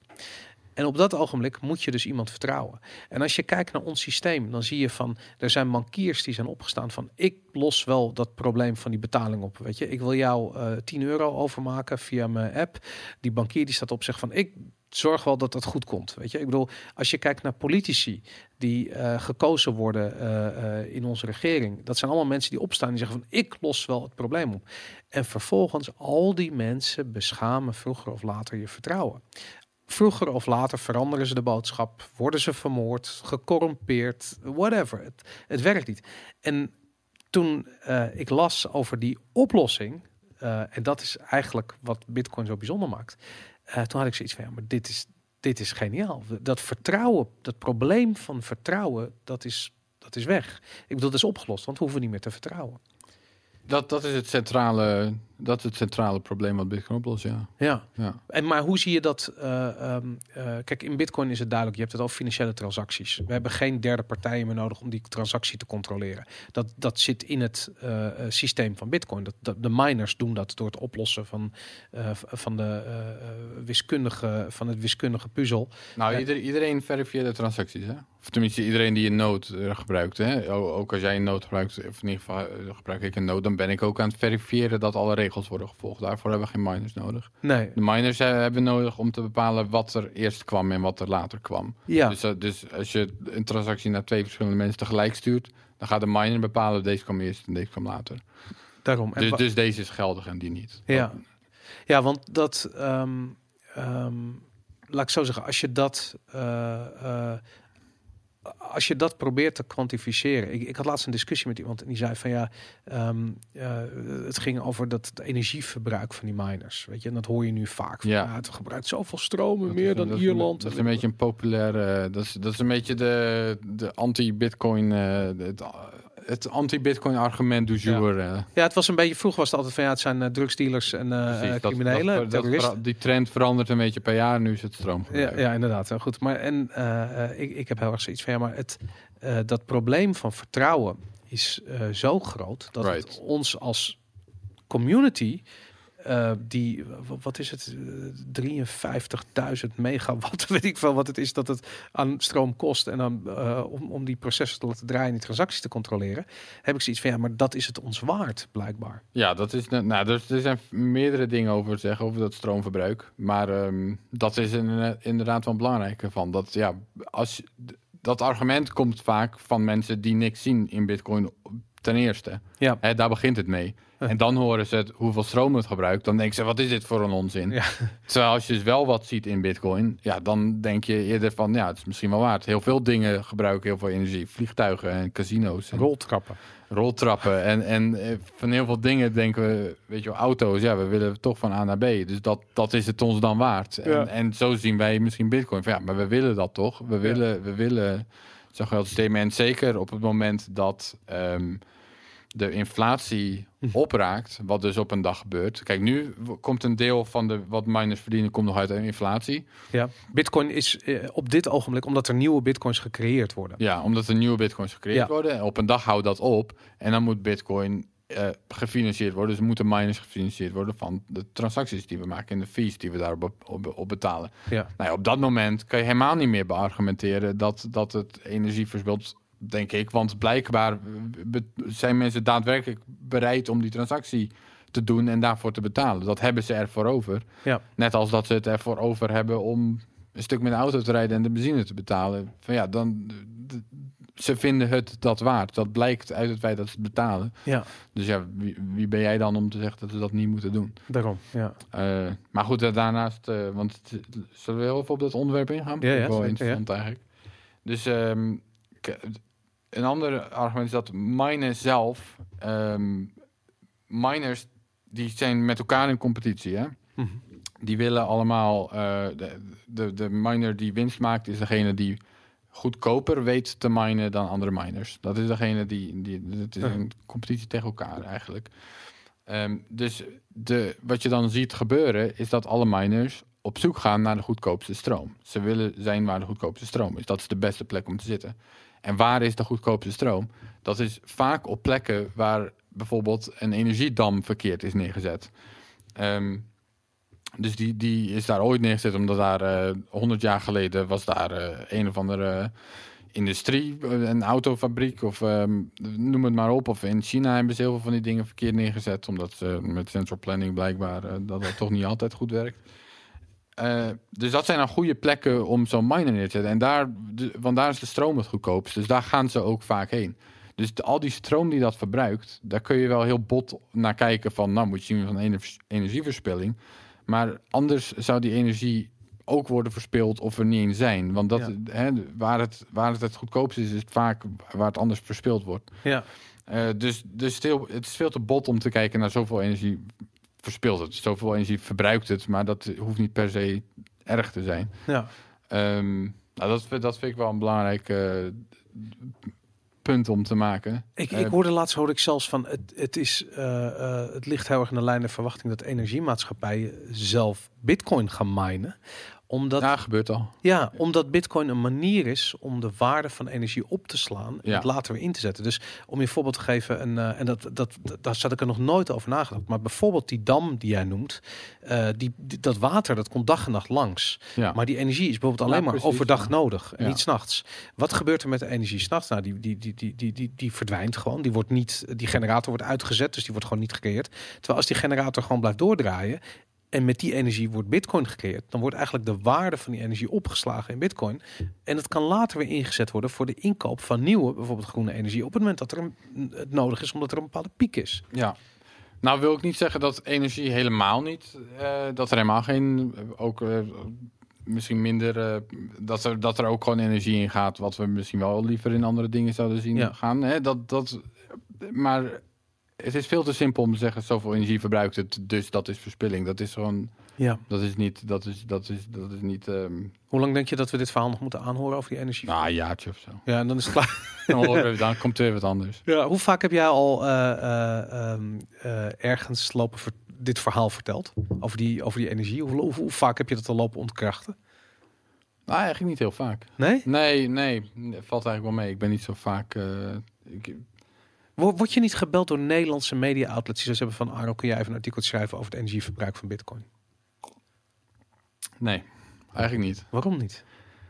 Ja, ik weet niet waarom niet. Maar ik, ik weet ook niet of ik het, eh, of ik het heel erg zou doen. Of, eh, of het in ieder geval ligt daar mijn interesse niet echt. Ik vind het veel interessanter. Kijk, Bitcoin is eh, een technologie die ontzettend snel aan het eh, ontwikkelen is. Hè? De evolving ding, daar hebben we het al over gehad. En ik vind het veel interessanter om op die voorgrond mee te gaan en mee te denken. En een soort van de cutting edge van wat er allemaal aan de hand is om daarover te schrijven en daarover na te denken, dan dat ik soort van voor het grote publiek Bitcoin ga verdedigen of verkopen. Dat vind ik niet zo. eh, Ja? Vind je dat niet dat dat eigenlijk ook een beetje de, eh, eh, ja, de taak is die je als journalist hebt? Om gewoon het eh, mensen die ke- bepaalde kennis niet hebben, om die mensen te laten meedelen? Ja, tuurlijk, maar dat kan ik ook doen binnen de Bitcoin community op de, op de dingen die zeg maar cutting edge zijn. Ja. Dus, eh, dus hè, als een core developer met een of ander nieuw eh, interessant voorstel komt om, om privacy te verbeteren of wat het dan is, dan vind ik het veel interessanter om daar om dat te gaan uitleggen aan mensen die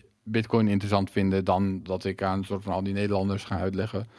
Dat laat ik graag aan, eh, aan anderen over. Maar dat is precies mijn probleem. Die anderen, die zijn hemeltergend. die, zijn, die lopen daar dingen te verkondigen. Oh, Ja, maar, ja, de, eens. Maar Boris, ik heb er niet zo'n haast mee hoor, dat bitcoin. eh, ik ik heb dus liever dat we het eerst even fixen. Dat het eerst even goed werkt. Ja, en dat, we, dat, we, dat we dingen zoals privacy goed hebben. En, en dan, de massa komt wel. Maar en die komen vanzelf wel. Ja. De, en, dat, eh, en dat mogen anderen gerust doen. Maar ik hou me veel liever bezig met dat project zelf. En daarop richten. En, en Dus op het moment dat de NOS jou belt en zegt van... Aaron, kom ons eens eventjes uitleggen waarom dat energieverbruik niet erg is... dan heb je zoiets van, jongens, laat het je.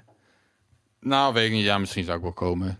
Ja? het is nog niet gebeurd in ieder geval. Wat, wat vind je van... eh, eh, Ik ben, ik ben er niet naar op zoek, dat, dat wil ik zeggen. Ik ben niet, het is niet mijn ambitie. Of het is maar niet ik- in media is er wel naar op zoek. En ik denk dat ze je gewoon nog niet gevonden hebben. Maar dat... eh, ook omdat je natuurlijk vaak in het Engels schrijft. Hè, en dat het niet helemaal ja, ik, duidelijk is. ik richt me inderdaad meer op eh, internationale. Daarom. En je naam is niet, het, je heet niet Pieter van der Zanden of zo, ik zeg maar wat. Weet je, ik bedoel, het is Aaron van Weerum. Voor hetzelfde geld ben je niet een Nederlander, weet je. Ik bedoel, dat is gewoon een, eh Dat denken mensen wel eens. omdat het is een Friese naam, hè? Is het eh, van Weerum of niet? Volgens mij is er een Wirdum in Friesland en een in Groningen en een in Duitsland, heb Ah, ik oké, begrepen. ja, beetje, dus waar, en welke van de drie eh, Ja, waar ik vandaan kom, zeg maar, dat weet ik niet. meestelijk. Hey, en wat vind je van eh, eh, Bitcoin in de media en de rol die de media inneemt als het Nou, ik ben begonnen met schrijven over Bitcoin omdat ik het echt belachelijk, of omdat belachelijk, of in ieder geval omdat ik, kijk, ik vond het heel interessant en ik was aan het lezen over wat een interessant project dit is. Ja, En eh, dat was ook een beetje rond de tijd dat Bitcoin wel een beetje begon te groeien. Dat was begin 2013 en in Ja. april hebben we toen een soort van ook zo'n grote surge gehad. En in de aanloop, dus maart, april, toen begon ik artikelen te zien in, in andere media. En in eerste instantie vond ik wel balen, want ik dacht, dat, dat wil ik eigenlijk. eh, dat, dat wilde ik toen, eh, dat was toen een beetje wat ik wilde doen, Mhm. over Bitcoin schrijven. En, eh, maar goed, ik zag eh, artikelen, maar ik, eh, ik zag iets heel anders in die artikelen dan wat ik zag in Bitcoin. En daar stoorde ik me wel heel erg aan. Dat, dat, hè, dat er over wordt geschreven alsof het een piramidespel is. Nee, het is gewoon geen piramidespel. Maar dat het lijkt er wel een beetje op. Tot op de dag van vandaag zie je de artikelen toch? Nou ja, maar ik heb wel de indruk, wat je zegt, dat het, de argumenten verschuiven wel. Dus het was, eh, het was een piramidespel en het was drugs. En nu gaat het dus vaak over energieverbruik. Dus de anti-Bitcoin argumenten verschuiven wel. En, en eh, wat ik ook eh, heb gezien laatst, dat begint ook een beginnende trend, is dat de verdeling van Bitcoins oneerlijk is. Ja, En- ja die heb ik ook wel eens gehoord inderdaad. Ja, dus dat begint. eh, Ik heb de indruk dat dat een dingetje, dat dat, dat, dat ook begint te groeien. Nou, ik over hoop dat, dat, eh, is heel makkelijk te werken namelijk. Maar dat, eh, ik ken nog een paar andere dingen die oneerlijk verdeeld zijn namelijk in deze maatschappij. Maar goed. nou, wat, hoe zou je het willen? Ben ik wel benieuwd naar dan. Nu Hoe je dat zou... zijn. Nou ja, kijk, aan de ene kant, als je kijkt hoe we hier gekomen zijn, is het logisch dat een bitcoin gecreëerd wordt door miners. Dus grote miners zijn de allereerste die, hun, die, die bitcoin in hun handen hebben. Weet je, die gaan het verkopen en de markt reageert erop. Dus het is, het is een kwestie van vraag aanbod. Wie heeft er het meeste vraag? Wie heeft er nu de visie om die bitcoins te gaan kopen voor veel Ja. geld? En later gaat dat niet veel geld zijn. En uiteindelijk, aan het eind van de rit, eh, eh, zullen er niet eens meer partijen zijn die 10 bitcoin hebben. Als we de lijn waar, waar ik zeker weet dat wij het over eens zijn doortrekken, dan is 10 bitcoin een, een onbegrijpelijk groot, eh, hoe, groot hoeveelheid geld. Ja. Ehm, ja, dat gaat gewoon allemaal net zo ver opgedeeld worden, totdat we waarschijnlijk eh, in satoshis aan het denken zijn. Ehm, aan de andere kant, eh, eh, als je kijkt in deze maatschappij, is een toenemende mate van, eh, ehm, eh, eh, eh, hoe noem je dat, ongelijkheid gaande. Dat is, dat zelfs in Nederland is dat steeds meer aan het, aan het worden. En dat komt echt niet doordat, ehm, eh, laat ik zo zeggen, doordat de euro's niet toegankelijk genoeg zijn. Dat heeft echt met andere eh, ehm, principes te maken. En dat is bijvoorbeeld, ik bedoel, als jij student bent, dan krijg je gewoon geen hypotheek. Heel simpel. Ja. Je wordt gewoon uitgesloten ervan. Maar je mag wel bitcoin kopen. Weet je, dat soort regels heb je niet in bitcoin. Er is niet een, een, een, een uitsmijter bij de deur die zegt, Precies. jij mag niet naar binnen. Maar ah, probeer maar eens het geldsysteem in te komen. Probeer maar eens 100.000 euro te lenen om te gaan beleggen in Tesla. Ik zeg maar wat, weet je. Het gaat je niet, je gaat, niemand gaat je geld dat lenen. Of gaat, gaat je dat lenen. Terwijl in bitcoin, ehm, je hebt gewoon de mogelijkheid om in te stappen naar Rato. En aangezien het een, een roltrap is die naar boven gaat, ga je mee eh, in, in, in, in dat circus. Dus het is vele malen toegankelijker dan het fiat systeem wat we hebben. Ja. En daar heb ik echt een soort drie minuten voor nodig gehad om dat verhaal te vertellen. Terwijl het heel simpel is. Nou ja, goed, ik, ik denk wel dat je kunt zeggen, de, het is voor een deel arbitrair.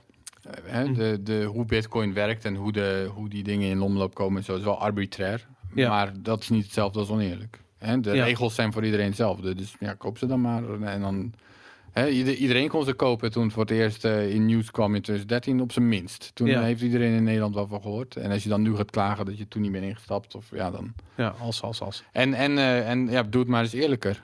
Of, of ik weet niet wat je precies. Nou ja, goed. Jij maakt het argument ook niet. Maar het is heel moeilijk om- om het eerlijker te doen. Want juist dat het eh, één keer zo is gedaan, die regels en de arbitrair. Elke poging die je daarna doet, is. Tot nu toe lijkt dat eerder een nog ongelijkere verdeling op te leveren. Eh, ja. Nou ja, en het is ook de. eh, Kijk, het gaat er denk ik niet om hoe ze in eerste instantie verdeeld worden. Het gaat erom van wat is het, wat gebeurt er Ja. na een bepaalde tijd. En als je kijkt dat eh, misschien je zou kunnen beargumenteren dat, dat euro's eerlijk verdeeld wordt, omdat iedereen werk heeft en iedereen gewoon in dezelfde euro's uitbetaald krijgt, eh, eh, eh, zijn we toch op een of andere manier in een vreemde situatie terechtgekomen dat een eh, eh, volgens mij 26 eh, bedrijven eh, of personen zelfs eh, eigenaar zijn van meer dan eh 70% van alle bedrijven op de wereld. Universiteit van Genève heeft daar een soort van bizar onderzoek over gedaan en alle aandeelhoudersstructuren geanalyseerd. Dat is uiteindelijk hoe het, hoe, het, hoe het spel eindigt. En dat gaat met Bitcoin gaat dat denk ik niet gebeuren. Het kan wel, maar ik denk het niet. Nou ja, dat is, dat is een belangrijke vraag inderdaad. Hoe ontwikkelt zich over tijd? En tot nu toe lijkt het in ieder geval bij Bitcoin dat het juist minder, dat het juist verdeelt over meer mensen en, eh, in die zin uitspreidt. Ja. Hey, ik had, ehm, ik heb zelf heel erg eh, eh, als gamejournalist heel erg meegemaakt dat game ontzettend stigma had. En nu is dat weg, maar ja, toen ik begon met GameKings, en dat is inmiddels alweer 16, 17 jaar geleden. Toen, eh, eh, als het, weet je, gamers waren lui en dik en gewelddadig en eh, deden hun schoolwerk niet. En het waren nerds en ze hadden brillen. En, en goed, er waren echt zo ontzettend veel stereotypes die, en oordelen die werden losgelaten over gamers. Ik, heb, ik ben een keertje te gast geweest bij. ehm, Goedemorgen Nederland, of ik voor het programma heette. En dat ging over iets van Nintendo. En ik was daar met een collega, waren daar. En eh, Sven Kokkelman was daar de interviewer. Die wilde het een en ander weten over games. En het interview was klaar. En hij zegt bij wijze van semi-grappig opmerking. van, nou, gaan jullie nu lekker een pizza eten? En dat, het was fucking kwart over acht ochtends. En ik had echt zoiets van, we hadden best wel een goed gesprek over videogames gehad. En dit was een uitsmijter. Hij moest nog eventjes die stempel drukken, weet je? Zo van, ja, maar gamers, dat zijn luie op zolder of zoiets. Whatever. Dit was in de uitzending. Was inderdaad zo. Oké. was gewoon live. 's ochtends. Oké. Gaan jullie lekker een pizza eten? Ik bedoel, hij realiseerde zich ook dat het echt een domme opmerking was. Maar en ik, en ik had ook zoiets van, Jesus, weet je, dit is in de media, al die fucking aannames en oordelen die mensen hebben, daar moet je tegen vechten. En dat vind ik zo interessant, want ik zie dezelfde aannames en oordelen over, over crypto en, met name over bitcoin, want daar wordt natuurlijk het meeste over gezegd. Ehm, en ik, ik- ja, ik, ik, ik heb zoiets van, ik heb de natuurlijke neiging om er tegen in te gaan en mensen te gaan willen overtuigen van het feit dat het niet zo is.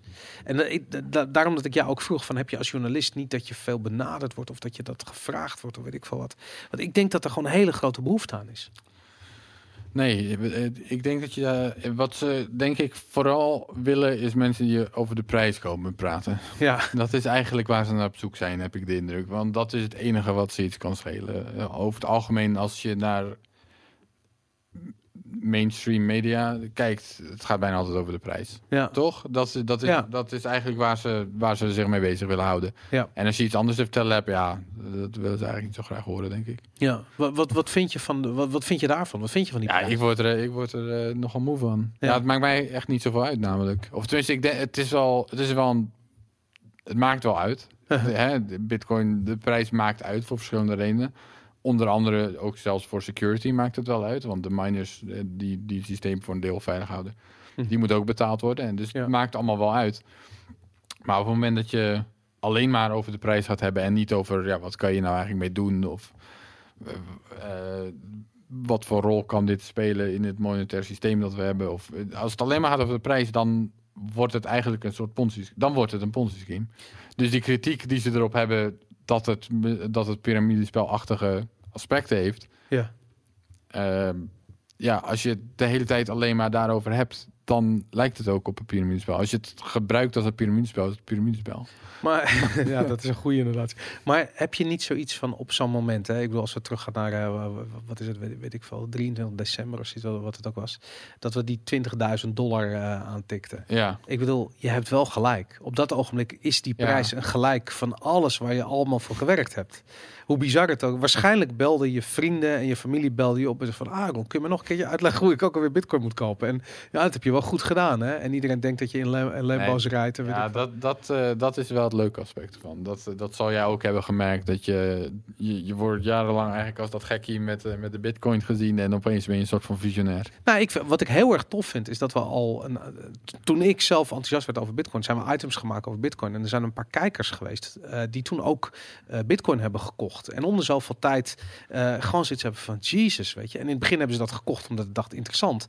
Eh, en hebben ze eh, voor niet al te veel geld een paar bitcoin gekocht. En nu is een paar bitcoin, dat is fucking je studieschuld. Ja. je. Dat is, en dat zijn gewoon gasten die dat gekocht hebben. En die zien opeens iets van, Jezus, weet je, daar is wel wat gebeurd. En ik vind dat heel erg cool. En dan vind ik prijs super cool. Weet je, als je ziet hoe het mensen echt meenemen. En ik realiseer me van die, die rabbit hole, die deur, die ingang, die begint bij de prijs. Ja, Ja, maar daar begint hij dus mee. Maar dan Ja. moet je daar dus niet blijven steken. maar de- uiteindelijk, je, me- mensen ontwikkelen zich op hun eigen tempo. Iemand die slim is, die, die gaat veel sneller door dat hele eh, eh, eh, traject heen. En iemand die niet zo slim is, die blijft hangen op bij de prijs. Ja. nee, maar ik vind ook ik vind het leuk als de prijs omhoog gaat door over het algemeen. Ja. Daar, dat is het niet. Maar eh, Ik vind je wel heel diplomatiek. Dat vind ik wel goed. Dat, eh, ik zie je gewoon denken van ja, fuck, weet je. Je wil ook niemand op zijn tenen gaan trappen. Weet je, over, als het over die prijs gaat. Ik, ik, ik, ik heb het ook bijna nooit. Ik vind de prijs inderdaad. Het is ook niet zo'n leuk onderwerp om over te praten. Behalve het, het, het psychologische aspect ervan. Dat vind ik wel leuk, weet je. Nou, ik ben, ik ben bijvoorbeeld ook wel blij nu. Ik merk dat ik het. eh, we hadden een tijdje echt een gekte, dat, zo kan je het wel noemen. En dat is natuurlijk wel een paar keer gebeurd. En je zag dat eh, ja, vanaf, nou, wanneer is dat echt losgewassen? September, eh, november. Zoiets, ja. Eh, ja. en, en dat heeft dus wel geduurd tot januari, februari of zo, dat het echt een gekte is, toch? Ja. En dat, dat, dat het nu allemaal een beetje kalmeert, ja, ik vind het echt prettig. En- min, ne- min 97% voor sommige altcoins zag ik Ja, laatst voorbij Oké, komen. banen voor hun. Ja, Maar goed, ehm, gewoon qua. ehm, het is het concept van Eternal September. Dat, eh, dat concept ken je wel, denk Nee, ik. nee, nee. Oké, nou, dus de Eternal September. Dat had je. eh, voordat het internet echt een ding was. Dus we, we hebben het echt over een soort van begin jaren 90. Of misschien begon het al. eh, nou, laten we het hebben. Laten we zeggen begin jaren 90. Toen had je echt de internetpioniers. Hè? Dus voordat eh, internet eh, iets was wat, eh, wat, wat, wat mainstream was. Hm. Dat je internetpioniers en die hadden met elkaar een soort van netiquette. Dus dat was de manier hoe ze met elkaar omgingen op het internet. Hè, etiketten voor het internet. Hm. Ehm, en, maar elke, elke september kwam er een nieuwe groep mensen online. Namelijk studenten van universiteiten die via hun campus of zo het, internet opkwamen. Dus elke keer, elk jaar zag je in september kwam er een golf van mensen die geen idee hadden wat de principes waren van het internet of wat de netiquette was of wat er interessant aan was. En die kwamen eh, de- boel een beetje verstoren, zeg maar. Nou, dat duurde dan ongeveer een maand. En dan hadden de nieuwe, de nieuwe mensen, die waren of, of vertrokken of die hadden een beetje geleerd van oké, zo gaan we met elkaar om op het internet. Ja. En ik denk dat je iets vergelijkbaars een klein beetje ziet in, de, in het bitcoin en, eh en crypto wereldje. Dus een soort van etiketten hoe we met elkaar omgaan of wat we interessant vinden of waar we het over hebben. En dat is dus niet altijd die prijs. Ehm, en dan om de zoveel tijd komt er weer zo'n nieuwe groep die, die gaat roepen over Lambo's en noem, noem het maar allemaal, noem het allemaal maar op. Maar die willen ook dat feestje vieren. Precies, maar na een tijdje dan moeten die er ook achter komen wa- wat er eigenlijk interessant is aan deze technologie en waarom we hier eigenlijk mee bezig zijn en wat, wat we hier eigenlijk allemaal proberen te doen. En dan een tijdje leren ze dat en dan vinden ze dat hopelijk ook interessant. Maar ze komen binnen voor de prijs natuurlijk. En dat, dus dat, dat is een Eternal September-achtige fenomeen doet het me aan denken. Van ja, nu ga- gaat iedereen weer roepen dat de prijs door het dak gaat en dat is het enige wat iedereen uitmaakt. Ja, Na een tijdje moet iedereen verleren, er is iets interessanters aan de hand hier. ja, ja. Maar dat ja. gebeurt wel. En, dan, en er blijven dus ook elke keer wel weer een groep mensen steken. ja. Die, hier, die komen voor de prijs. En dan denken, hé, hey, dit is eigenlijk wel heel interessant. En blijven, blijven voor de revolutie, zeg maar. Ja, dat, ja, ik denk dat je gelijk hebt inderdaad. Als je de, de audio is weggevallen bij een kant. de telefoon. mij... eh, Je moet even spelen met, dat, met, met dit dingetje. En dan, eh, het- ligt het aan deze? ja. oh nee, dus even kijken. Eh, ja, dit is de mijne. Het ligt aan deze. Dit is die oude. Dus die, je moet er even mee spelen totdat, die, totdat je audio weer goed is. Nou, nu lijkt hij het weer te doen. Oké, mooi. Nee. Maar dat, dat die, die- ja, dus, dus, oh ja, maar dus dat moet ik afmaken. Ik, Mhm. eh, het verhaal was niet af. Eh, dus de Eternal September, dat betekent dat op een gegeven moment, volgens mij was het 1994, dat AOL ehm, online, eh, dat AOL lanceerde. Ja. En toen kwam er dus weer een groep mensen online, via AOL dit keer. Maar dit keer kwamen er in oktober nog meer mensen online. En in november nog meer. En in december nog meer. Dus die mensen, dus de netiquette sloeg nooit in. Dus Ja. de september bleef maar door, doorgaan. Met mensen die de netiquette van, van, de, eh, van eh, de, de net niet begrepen. En dus bleef het soort van dat chaotische-achtige. En dus de Eternal September. Dus, dus die september is nooit meer geëindigd. ja, op die manier. Dus het zou kunnen dat we met Bitcoin zoiets vergelijkbaars gaan zien. Dat op een gegeven moment gaat het echt mainstream. ja, En dan ja, de, de, de lieve schattige community die we met z'n allen hebben. En waarin we allemaal bewust zijn waarom we hier zijn en, en wat belangrijk is. Ja, dat, ja. dat gaat onder, ondergesneeuwd worden. En eigenlijk moeten we dus voor zorgen, Boris, dat we voor de Eternal September alles in orde hebben. Wat is alles in orde? Nou ja, dus bijvoorbeeld die privacy en fungibility. Ja, want ja, die mensen ja. die gaan dat, dat gaan ze niks interesseren. Nee. En, en dus we moeten, dat is zeg maar. eh, Maar de- e- eerlijk gezegd, ik denk dat dat nog wel gaat lukken. Ik denk serieus dat we voor het einde van het jaar een goede privacy oplossing hebben. Ehm eh, hopelijk. ja, maar het gaat ook wel om bijvoorbeeld scalability. En er moet veel. De, het project is echt nog heel jong. Ja. eh, echt nog, we zijn echt nog niet klaar, denk ik, om mainstream te gaan. En we- zeker als we 0.16 dus, zitten we op, toch? Dat is toch de... de Eh, nou ja, de- 0 0.17 is nu eh, in release candidate. Dus maar, maar dat is beta.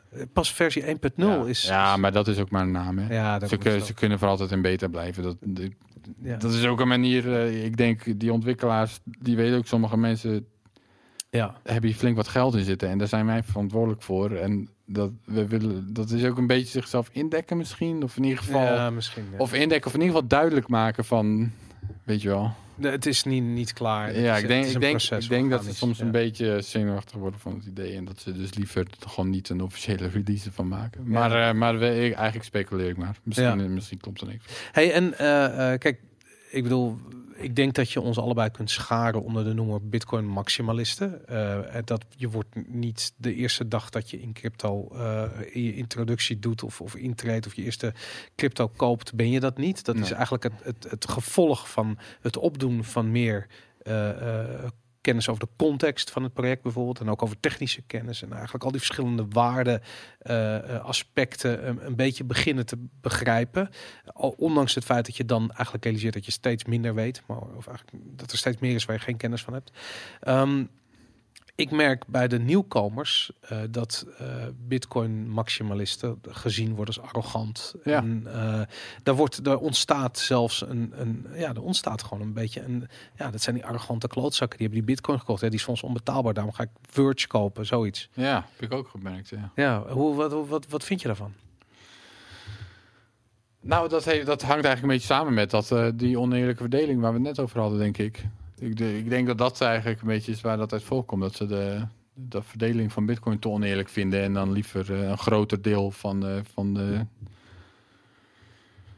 IOS supply hebben of zo. Ja. Um, maar um, even kijken hoor. Uh, misschien kan ik je vraag beter ietsje algemeniseren. Wat vind ik van bitcoin maximalism? Ja, ik denk dus dat uiteindelijk uh, wat dit is, of wat bitcoin is, is voor een groot deel of een groot deel van de waarde van is digitale schaarste. Hè? Mm. Dus wel, voorheen was het niet mogelijk om iets te hebben wat digitaal was en schaars. Ja. Want uh, iets wat digitaal is, is juist heel makkelijk te kopiëren. Ja. En um, met Bitcoin of met, met Hashcash daarvoor kon je dus eigenlijk real world resources digitaliseren op een manier dat je dus kon bewijzen van ja, de, hè, de, dus daarmee introduceer, introduceer je een vorm van digitale schaarste. Nou, Hashcash werkte niet goed als geld. Maar uh, ja, dus dat, dat proces waar we het net over hadden. Dus dachten we, misschien kunnen we Bitgold. En, en Bitcoin werkt wel.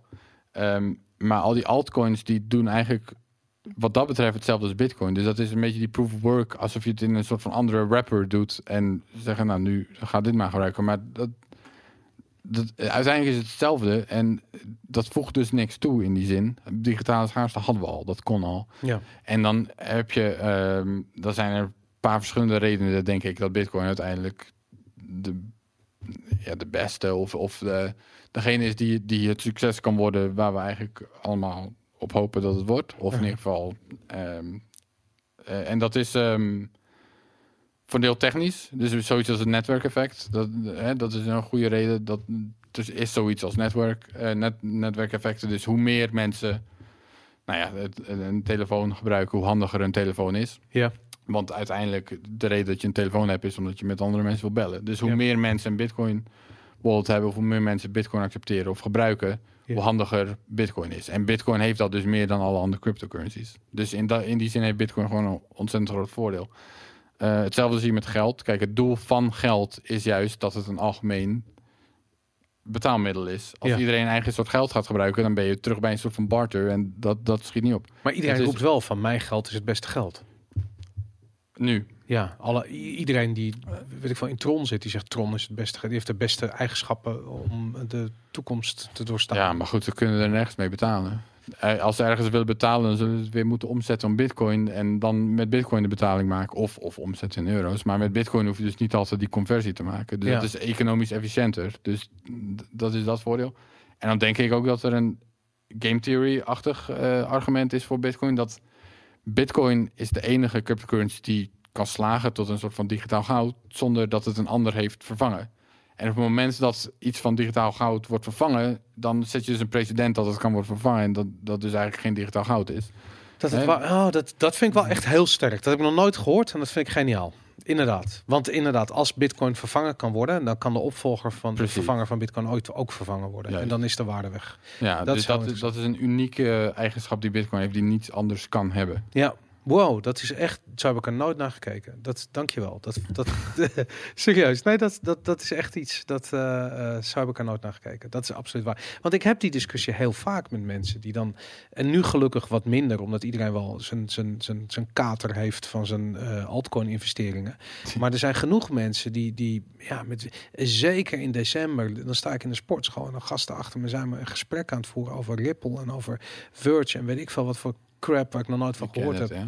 Ja, en dat, dat ik echt denk van, maar, gewoon, maar ik kan het niet laten. Ik heb precies van, jongens, wa- waarom? Weet je, wat, wat is dan die, wat is dan dat feestje wat je gaat vieren? Wat Nou, gebeurt er? Ja, nou, ik zit, in, ik zit dus een beetje in een twee spalt. Dat is het woord- Nederlandse woord. Ja, Eh, of- spagaat, eh, ja, dus aan de ene kant vind ik het totaal onzin. ja. Aan de andere kant vind ik het ook fundamenteel wel hun recht om dat te doen. Hè? Ja. Ik vind het soort van een fundamenteel ding dat Bitcoin ook doet, is dat je zegt van ja, je kan je eigen geld maken. En je mag het geld gebruiken dat je zelf wil gebruiken. Ja. Dat vind ik super belangrijk.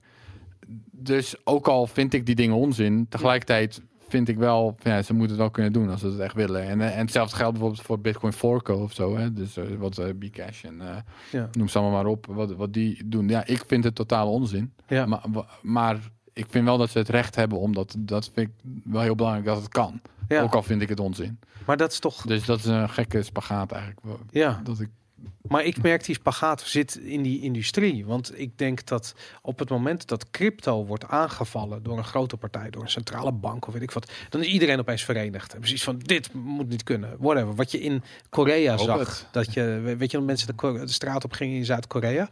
En vervolgens, als je binnen die crypto-groep gaat kijken, dan zijn ze elkaar de hersens aan het inslaan om over, over technische aspecten die nooit gebruikt gaan worden. dat is bizar. ja, nou ja, het is ook. Ehm,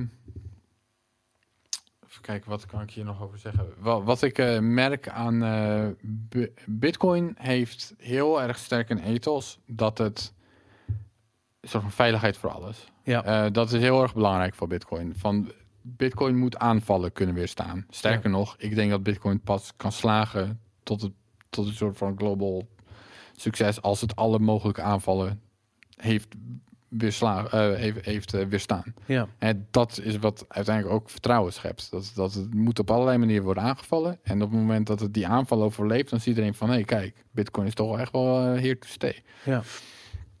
Ehm, dus Bitcoin, dat is, dat is een soort van tank. Dat, dat wordt er echt op, op gericht van, het moet, het moet dat kunnen weerstaan. Mhm. Ondertussen heb je dan andere cryptocurrencies die dat niet doen. Dus die niet zo erg daarop specialiseren van het moet alle aanvallen kunnen weersla- weerstaan. Als resultaat daarvan zijn ze soms beter in sommige dingen. Ja. Net als hè, als je een tank bouwt en je gaat racen met een Formule 1 wagen, ja, of, of met een normale auto, ja, die verliest het wel. Mhm.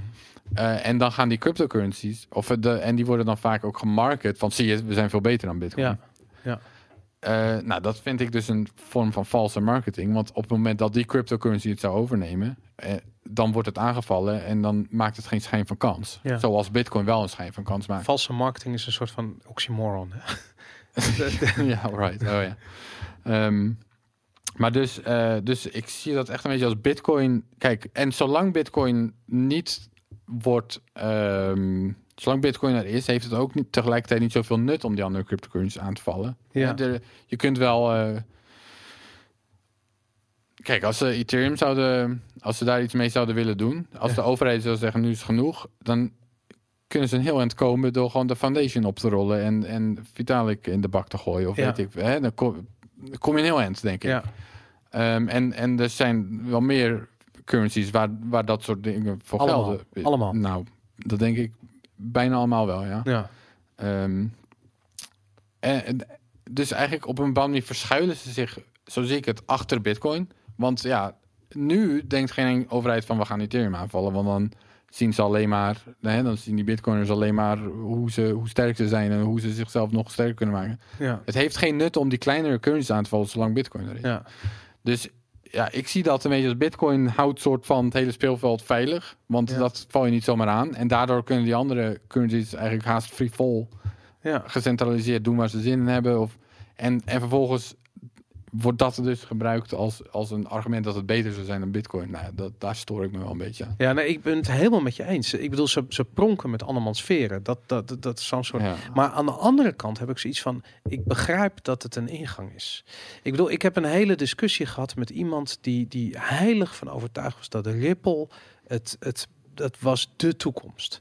En uiteindelijk kwamen we uit bij de essentie. Dat duurde overigens niet heel lang. We kwamen uit bij de essentie van vertrouwen. Een gecentraliseerd project versus een de gedecentraliseerd project.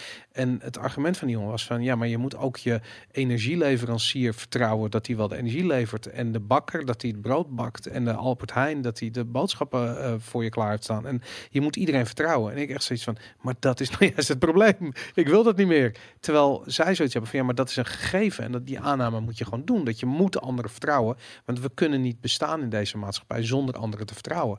En ik had echt zoiets van... ja, het... het eh, eh, er is niks mis mee met mensen vertrouwen. Maar mensen moeten vertrouwen. Betekent dat je afhankelijk bent van andere mensen. En dat is Ja. lastig. Ja, en dat nou, eh, en vooral als het gaat om geld. Ja, Denk ik. Dat is eigenlijk, ehm, dat, Ja. als het gaat om geld, zie je gewoon dat dat vertrouwen vaak wordt misbruikt op allerlei manieren. Ja.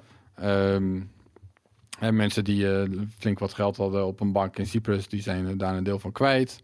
Ja. Eh, inflatie, hè, mensen die hun, hun, hun waarde vertrouwden in de bolivar, die zijn het kwijt. Dus dat, het, dat het geld wat jij op je bankrekening staan... is niet van jou.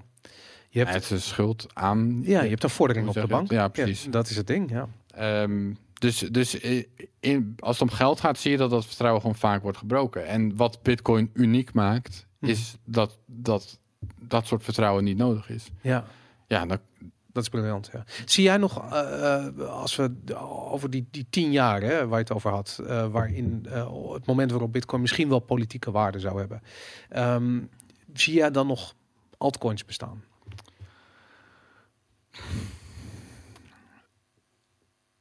ik, ja, ik denk dat het wel zou kunnen dat je een altcoin hyperspens- hyperspecialiseert voor een bepaald doel. Ja. En dat dat kan bestaan naast Bitcoin. Dat denk ik wel. Maar ik denk dat dat ten eerste, die is dan een stuk kleiner dan Bitcoin. Juist omdat het een specifiek doel heeft. Mhm.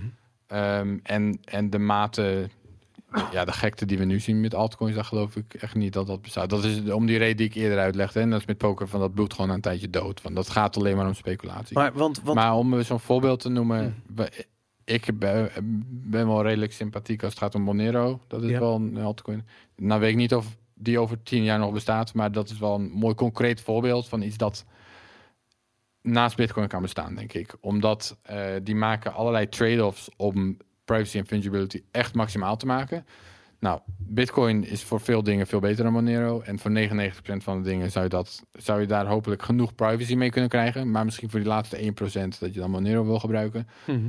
En het kan ook niet veel groter groeien dan 1%, omdat het gewoon zo slecht schaalt. ja. Dus eh, Maar dan ben je ook de doelgroep voor. um, Jij bent een privacy-liefhebber en je ziet het belang daarvan in. Dus vind je een privacy belangrijk. Door, ja. Als jij bij wijze van spreken een moeder bent met twee kinderen, dan vind je een mother token misschien wel heel belangrijk. Want het, dat is voor die doelgroep. Ja, ik zou niet weten wat voor voordeel dat zou moeten bieden, Mother Token. Maar ik denk inderdaad wel dat er op zo'n manier zouden er een soort van hypergespecialiseerde coins kunnen zijn die, die ook wel blijven bestaan. Maar ehm, die, juist omdat ik denk dat Bitcoin die kan zich ook echt richten op het store value idee, eh, hè, digitaal goud. En ik denk dat die andere coins die maken daar veel minder aanspraak op, om, Ja. om die reden die ik onder andere had gezegd. Dus, eh, ja. Ehm, dus, dus als dat wegvalt, als, dan is het meteen veel minder waard, denk ik. En dan kom je echt op een soort van de praktische waarde die, die, het, die het heeft eh, voor, voor je specifieke betalingen die je moet maken. Of, Ja, ja nou, dat ben ik helemaal met je eens. Dus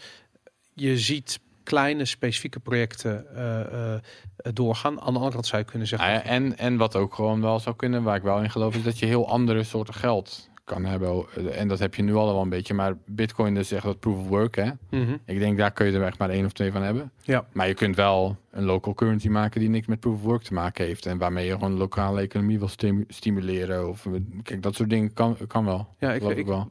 begrepen dat er uh, in India is volgens mij gisteren bekend geworden dat de Indiase regering zit te denken, of de Indiase centrale bank zit te denken om een cryptocurrency, om het, al het geld te vervangen door een cryptocurrency. Oh ja. Uh, uh, omdat, en ik bedoel, uh, Ja, dat, het is krankzinnig. ja, dat, vind ik, krankzinnig. dat vind ik heel gek. eh. ja. nou ja, ik, weet- ik weet niet hoe dat zou werken. Weet je dat wel? Of- Nou, het zou een volledig gecentraliseerd systeem zijn, eh, waarbij eh, ehm, ja, je de, de, de, de Indiase overheid de eh, monopolie geeft op niet alleen geldcreatie, dat hebben ze al, maar ook nog eens een keertje een monopolie geeft op de manier waarop het wordt uitgegeven en aan wie en hoe en wanneer en wanneer jij wel en niet toegang hebt tot geld. En ja, en het is al een half totalitair regime, dus ehm, ja, dat is een heel slecht idee Ja. in heel veel verschillende opzichten. En Nou, eh, goed, eh, goed nieuws voor Bitcoin. ja, inderdaad. Ja, nou, maar dat, dat vind ik wel. Want ik heb wel zoiets van ja, als je dat hele land een, een wallet geeft, eh, dan voed je ze ook op om Bitcoin te gebruiken. Want dat is Nou, dat, dat ten eerste. En ten tweede, als je dus een geldsysteem hebt waarin alle transacties worden gecontroleerd, dan is een geldsysteem waar je transacties niet kan controleren voor heel veel mensen wel heel aantrekkelijk. Ja, ja, dat is absoluut wat er gaat gebeuren. Ja, interessant. Ja, Vet. Hey, ik ben benieuwd. Hè? Je, hebt, ehm, eh, je schrijft voor Bitcoin Magazine. Eh, waar, waar, wat voor platformen schrijf je nog meer? Eh, op dit moment is het echt Bitcoin Magazine. Oké. Maar ik ben technical editor daar. Dus dat betekent dat ik ook veel werk met andere schrijvers daar. Aan hun artikelen en daar, daar hun mee op. ja. Ehm, Dat doe je fulltime voor hun? ja. Oké, wat Ja. goed. Ja. Ehm, ja, voorheen heb ik voor andere cryptomedia geschreven. Dus Coindesk, Cointelegraph. Eh er was nog eh, BitNews of eh, misschien nog een paar kleinere. Oké. Ehm, ja, en af en toe incidenteel is voor een andere publicatie. Maar in principe Bitcoin Magazine is wel echt waar ik wel al twee jaar een soort van mijn hoofd... Oké, maar ik zie heel erg veel mensen die zich bezighouden met cryptojournalistiek. eh die, die, die, die, die beginnen direct op YouTube, een kanaal, weet ik veel wat. ja. Het worden ook best wel groot in relatief korte tijd. Als je goed verhaal. Ik bedoel, je hebt ontzettend veel kennis en een heel goed verhaal. Ik bedoel, het verbaast me dat ik heb je een keertje bij eh, eh, een aantal van dat soort internet talkshows gezien. Eh, maar ik zou me voor kunnen stellen dat je dat eh bij wijze van spreken elke week. doet. hou je dat bewust een beetje af? Of heb je juist iets van ja, het is een beetje een, een, een, scene waar je in moet zitten? Of is dat, dat heb je daar ideeën over dat je dat. eh, Ehm, nou, ik ben er niet naar op zoek. Dus dat is een beetje hetzelfde misschien wat ik, eh, als het op Nederlandse media gaat. Ik, ik, ik zoek het niet uit en soms word ik eens uitgenodigd en dan zeg ik eens ja of, of niet als ik niet kan. Maar ik ben, de, mijn interesse ligt er niet echt. Ik vind schrijven, ik denk dat ik daar het best in ben. Ik, eh, gewoon een verhaal op papier zetten, dat, eh, dat ligt me goed. ja. Eh, dat is altijd zo geweest. En daarom ga ik journalistiek studeren, I guess. Mhm. Ehm, dus dat, ja, daar eh, richt ik me eigenlijk liefst op. En ehm, Ja. voor, mij is, voor mij is dat op zich genoeg. Cool. Er zijn veel mensen die mijn artikelen interessant vinden. En dan eh, Ja. komt het vaak indirect ook wel weer in dat soort shows. eh dan gaan ze het erover hebben. Of, eh, Ja. dus ik hoef niet per se zelf voor de camera. Ik vind dat niet echt heel veel toevoegen of zo. Nee, want als ik naar jouw Twitter-account kijk, je wordt gevolgd door echt de grote der aarde als het over Bitcoin en crypto gaat. Dat, eh, Ja, Twitter vind ik wel leuk. ja, hè? Twitter, ja, is dat, toch, dat vind ik wel weer leuk. Twitter is in vrij korte tijd echt de belangrijkste eh, Ja, bron van gegaan, ja. Ja, dat is echt eh, een half jaar tijd of zoiets. Ja. Dat, eh, ja, bizar. Hey Aaron, we zijn bijna twee uur aan het praten geweest over, over Bitcoin. We hebben het geen één keer over de prijs gehad. Of we hebben het over prijs gehad, maar niet over de prijs gehad. Daar ben ik heel blij. Dat wil ik houden ook zo tijdens dit gesprek. Zijn er andere onderwerpen die we, die we vergeten zijn, die we gemist hebben? Ehm, zijn er andere onderwerpen? Ehm, ja, zoveel natuurlijk. Eh, Is er iets wat je nog eh, eh, vindt dat dat hoort thuis in dit gesprek? Dat, eh, nou, kom, ja, zo snel komt er niks binnen. Oké, nou dan Nee. dat is misschien een goede opening voor een volgend gesprek. Want eh, ja, lijkt eh, me leuk. ik, kijk, dat is één ding wat zeker is. Bitcoin is een project wat blijft veranderen. Het is nu een, eigenlijk een heel ander project dan dat het vorig jaar was. Of, of eigenlijk voor Segwit was. En misschien gebeuren er in de toekomst weer dat soort, soort van hoe noem je dat, fundamentele veranderingen eh, eh, die het eh, een, een andere context geven die we moeten bespreken. Ik vond het in ieder geval super tof om hier te gast te hebben. Ik, ja, wat ik zei, ik vind het, ik doe niks lievers dan praten over dit soort onderwerpen met mensen die er echt verstand van hebben. En jij bent een van die persoons. Ik denk eigenlijk dat er in Nederland weinig anderen zijn die de kennis in huis hebben die jij in huis hebt. En eh, als nou, mensen, dat weet ik niet. Er zijn nog wel een paar eh, die, die gewoon iets minder eh, in de aandacht staan. ja, oké. Vladimir is een Nederlander. Vergeet dat niet. Ja, maar die woont niet meer in Nederland, toch wel? Jawel, jawel. Hij woont wel in Nederland. Ja. En hij is een core developer natuurlijk. Hè? Dat, Ja, dat is één voorbeeld. Ik bedoel, maar er zijn ja, wel meer. nou, oké, goed. Dat is maar wel- goed, bedankt voor het compliment. Ja. Misschien moet ik dat gewoon zeggen. Als mensen je willen volgen, hoe doen ze dat? Ja, Twitter is een goede manier. Dus mijn Twitter-handle is Aaron met twee A's. Aaron van W. Van W. Ja, dus Nou. Aaron van W. Super simpel. Aaron, dankjewel. Ik vond het fantastisch. Ja, geen dank. Leuk hier te zijn. Cool. Dank jullie wel voor het luisteren naar eh, en het kijken en het luisteren naar eh, Nerd Culture.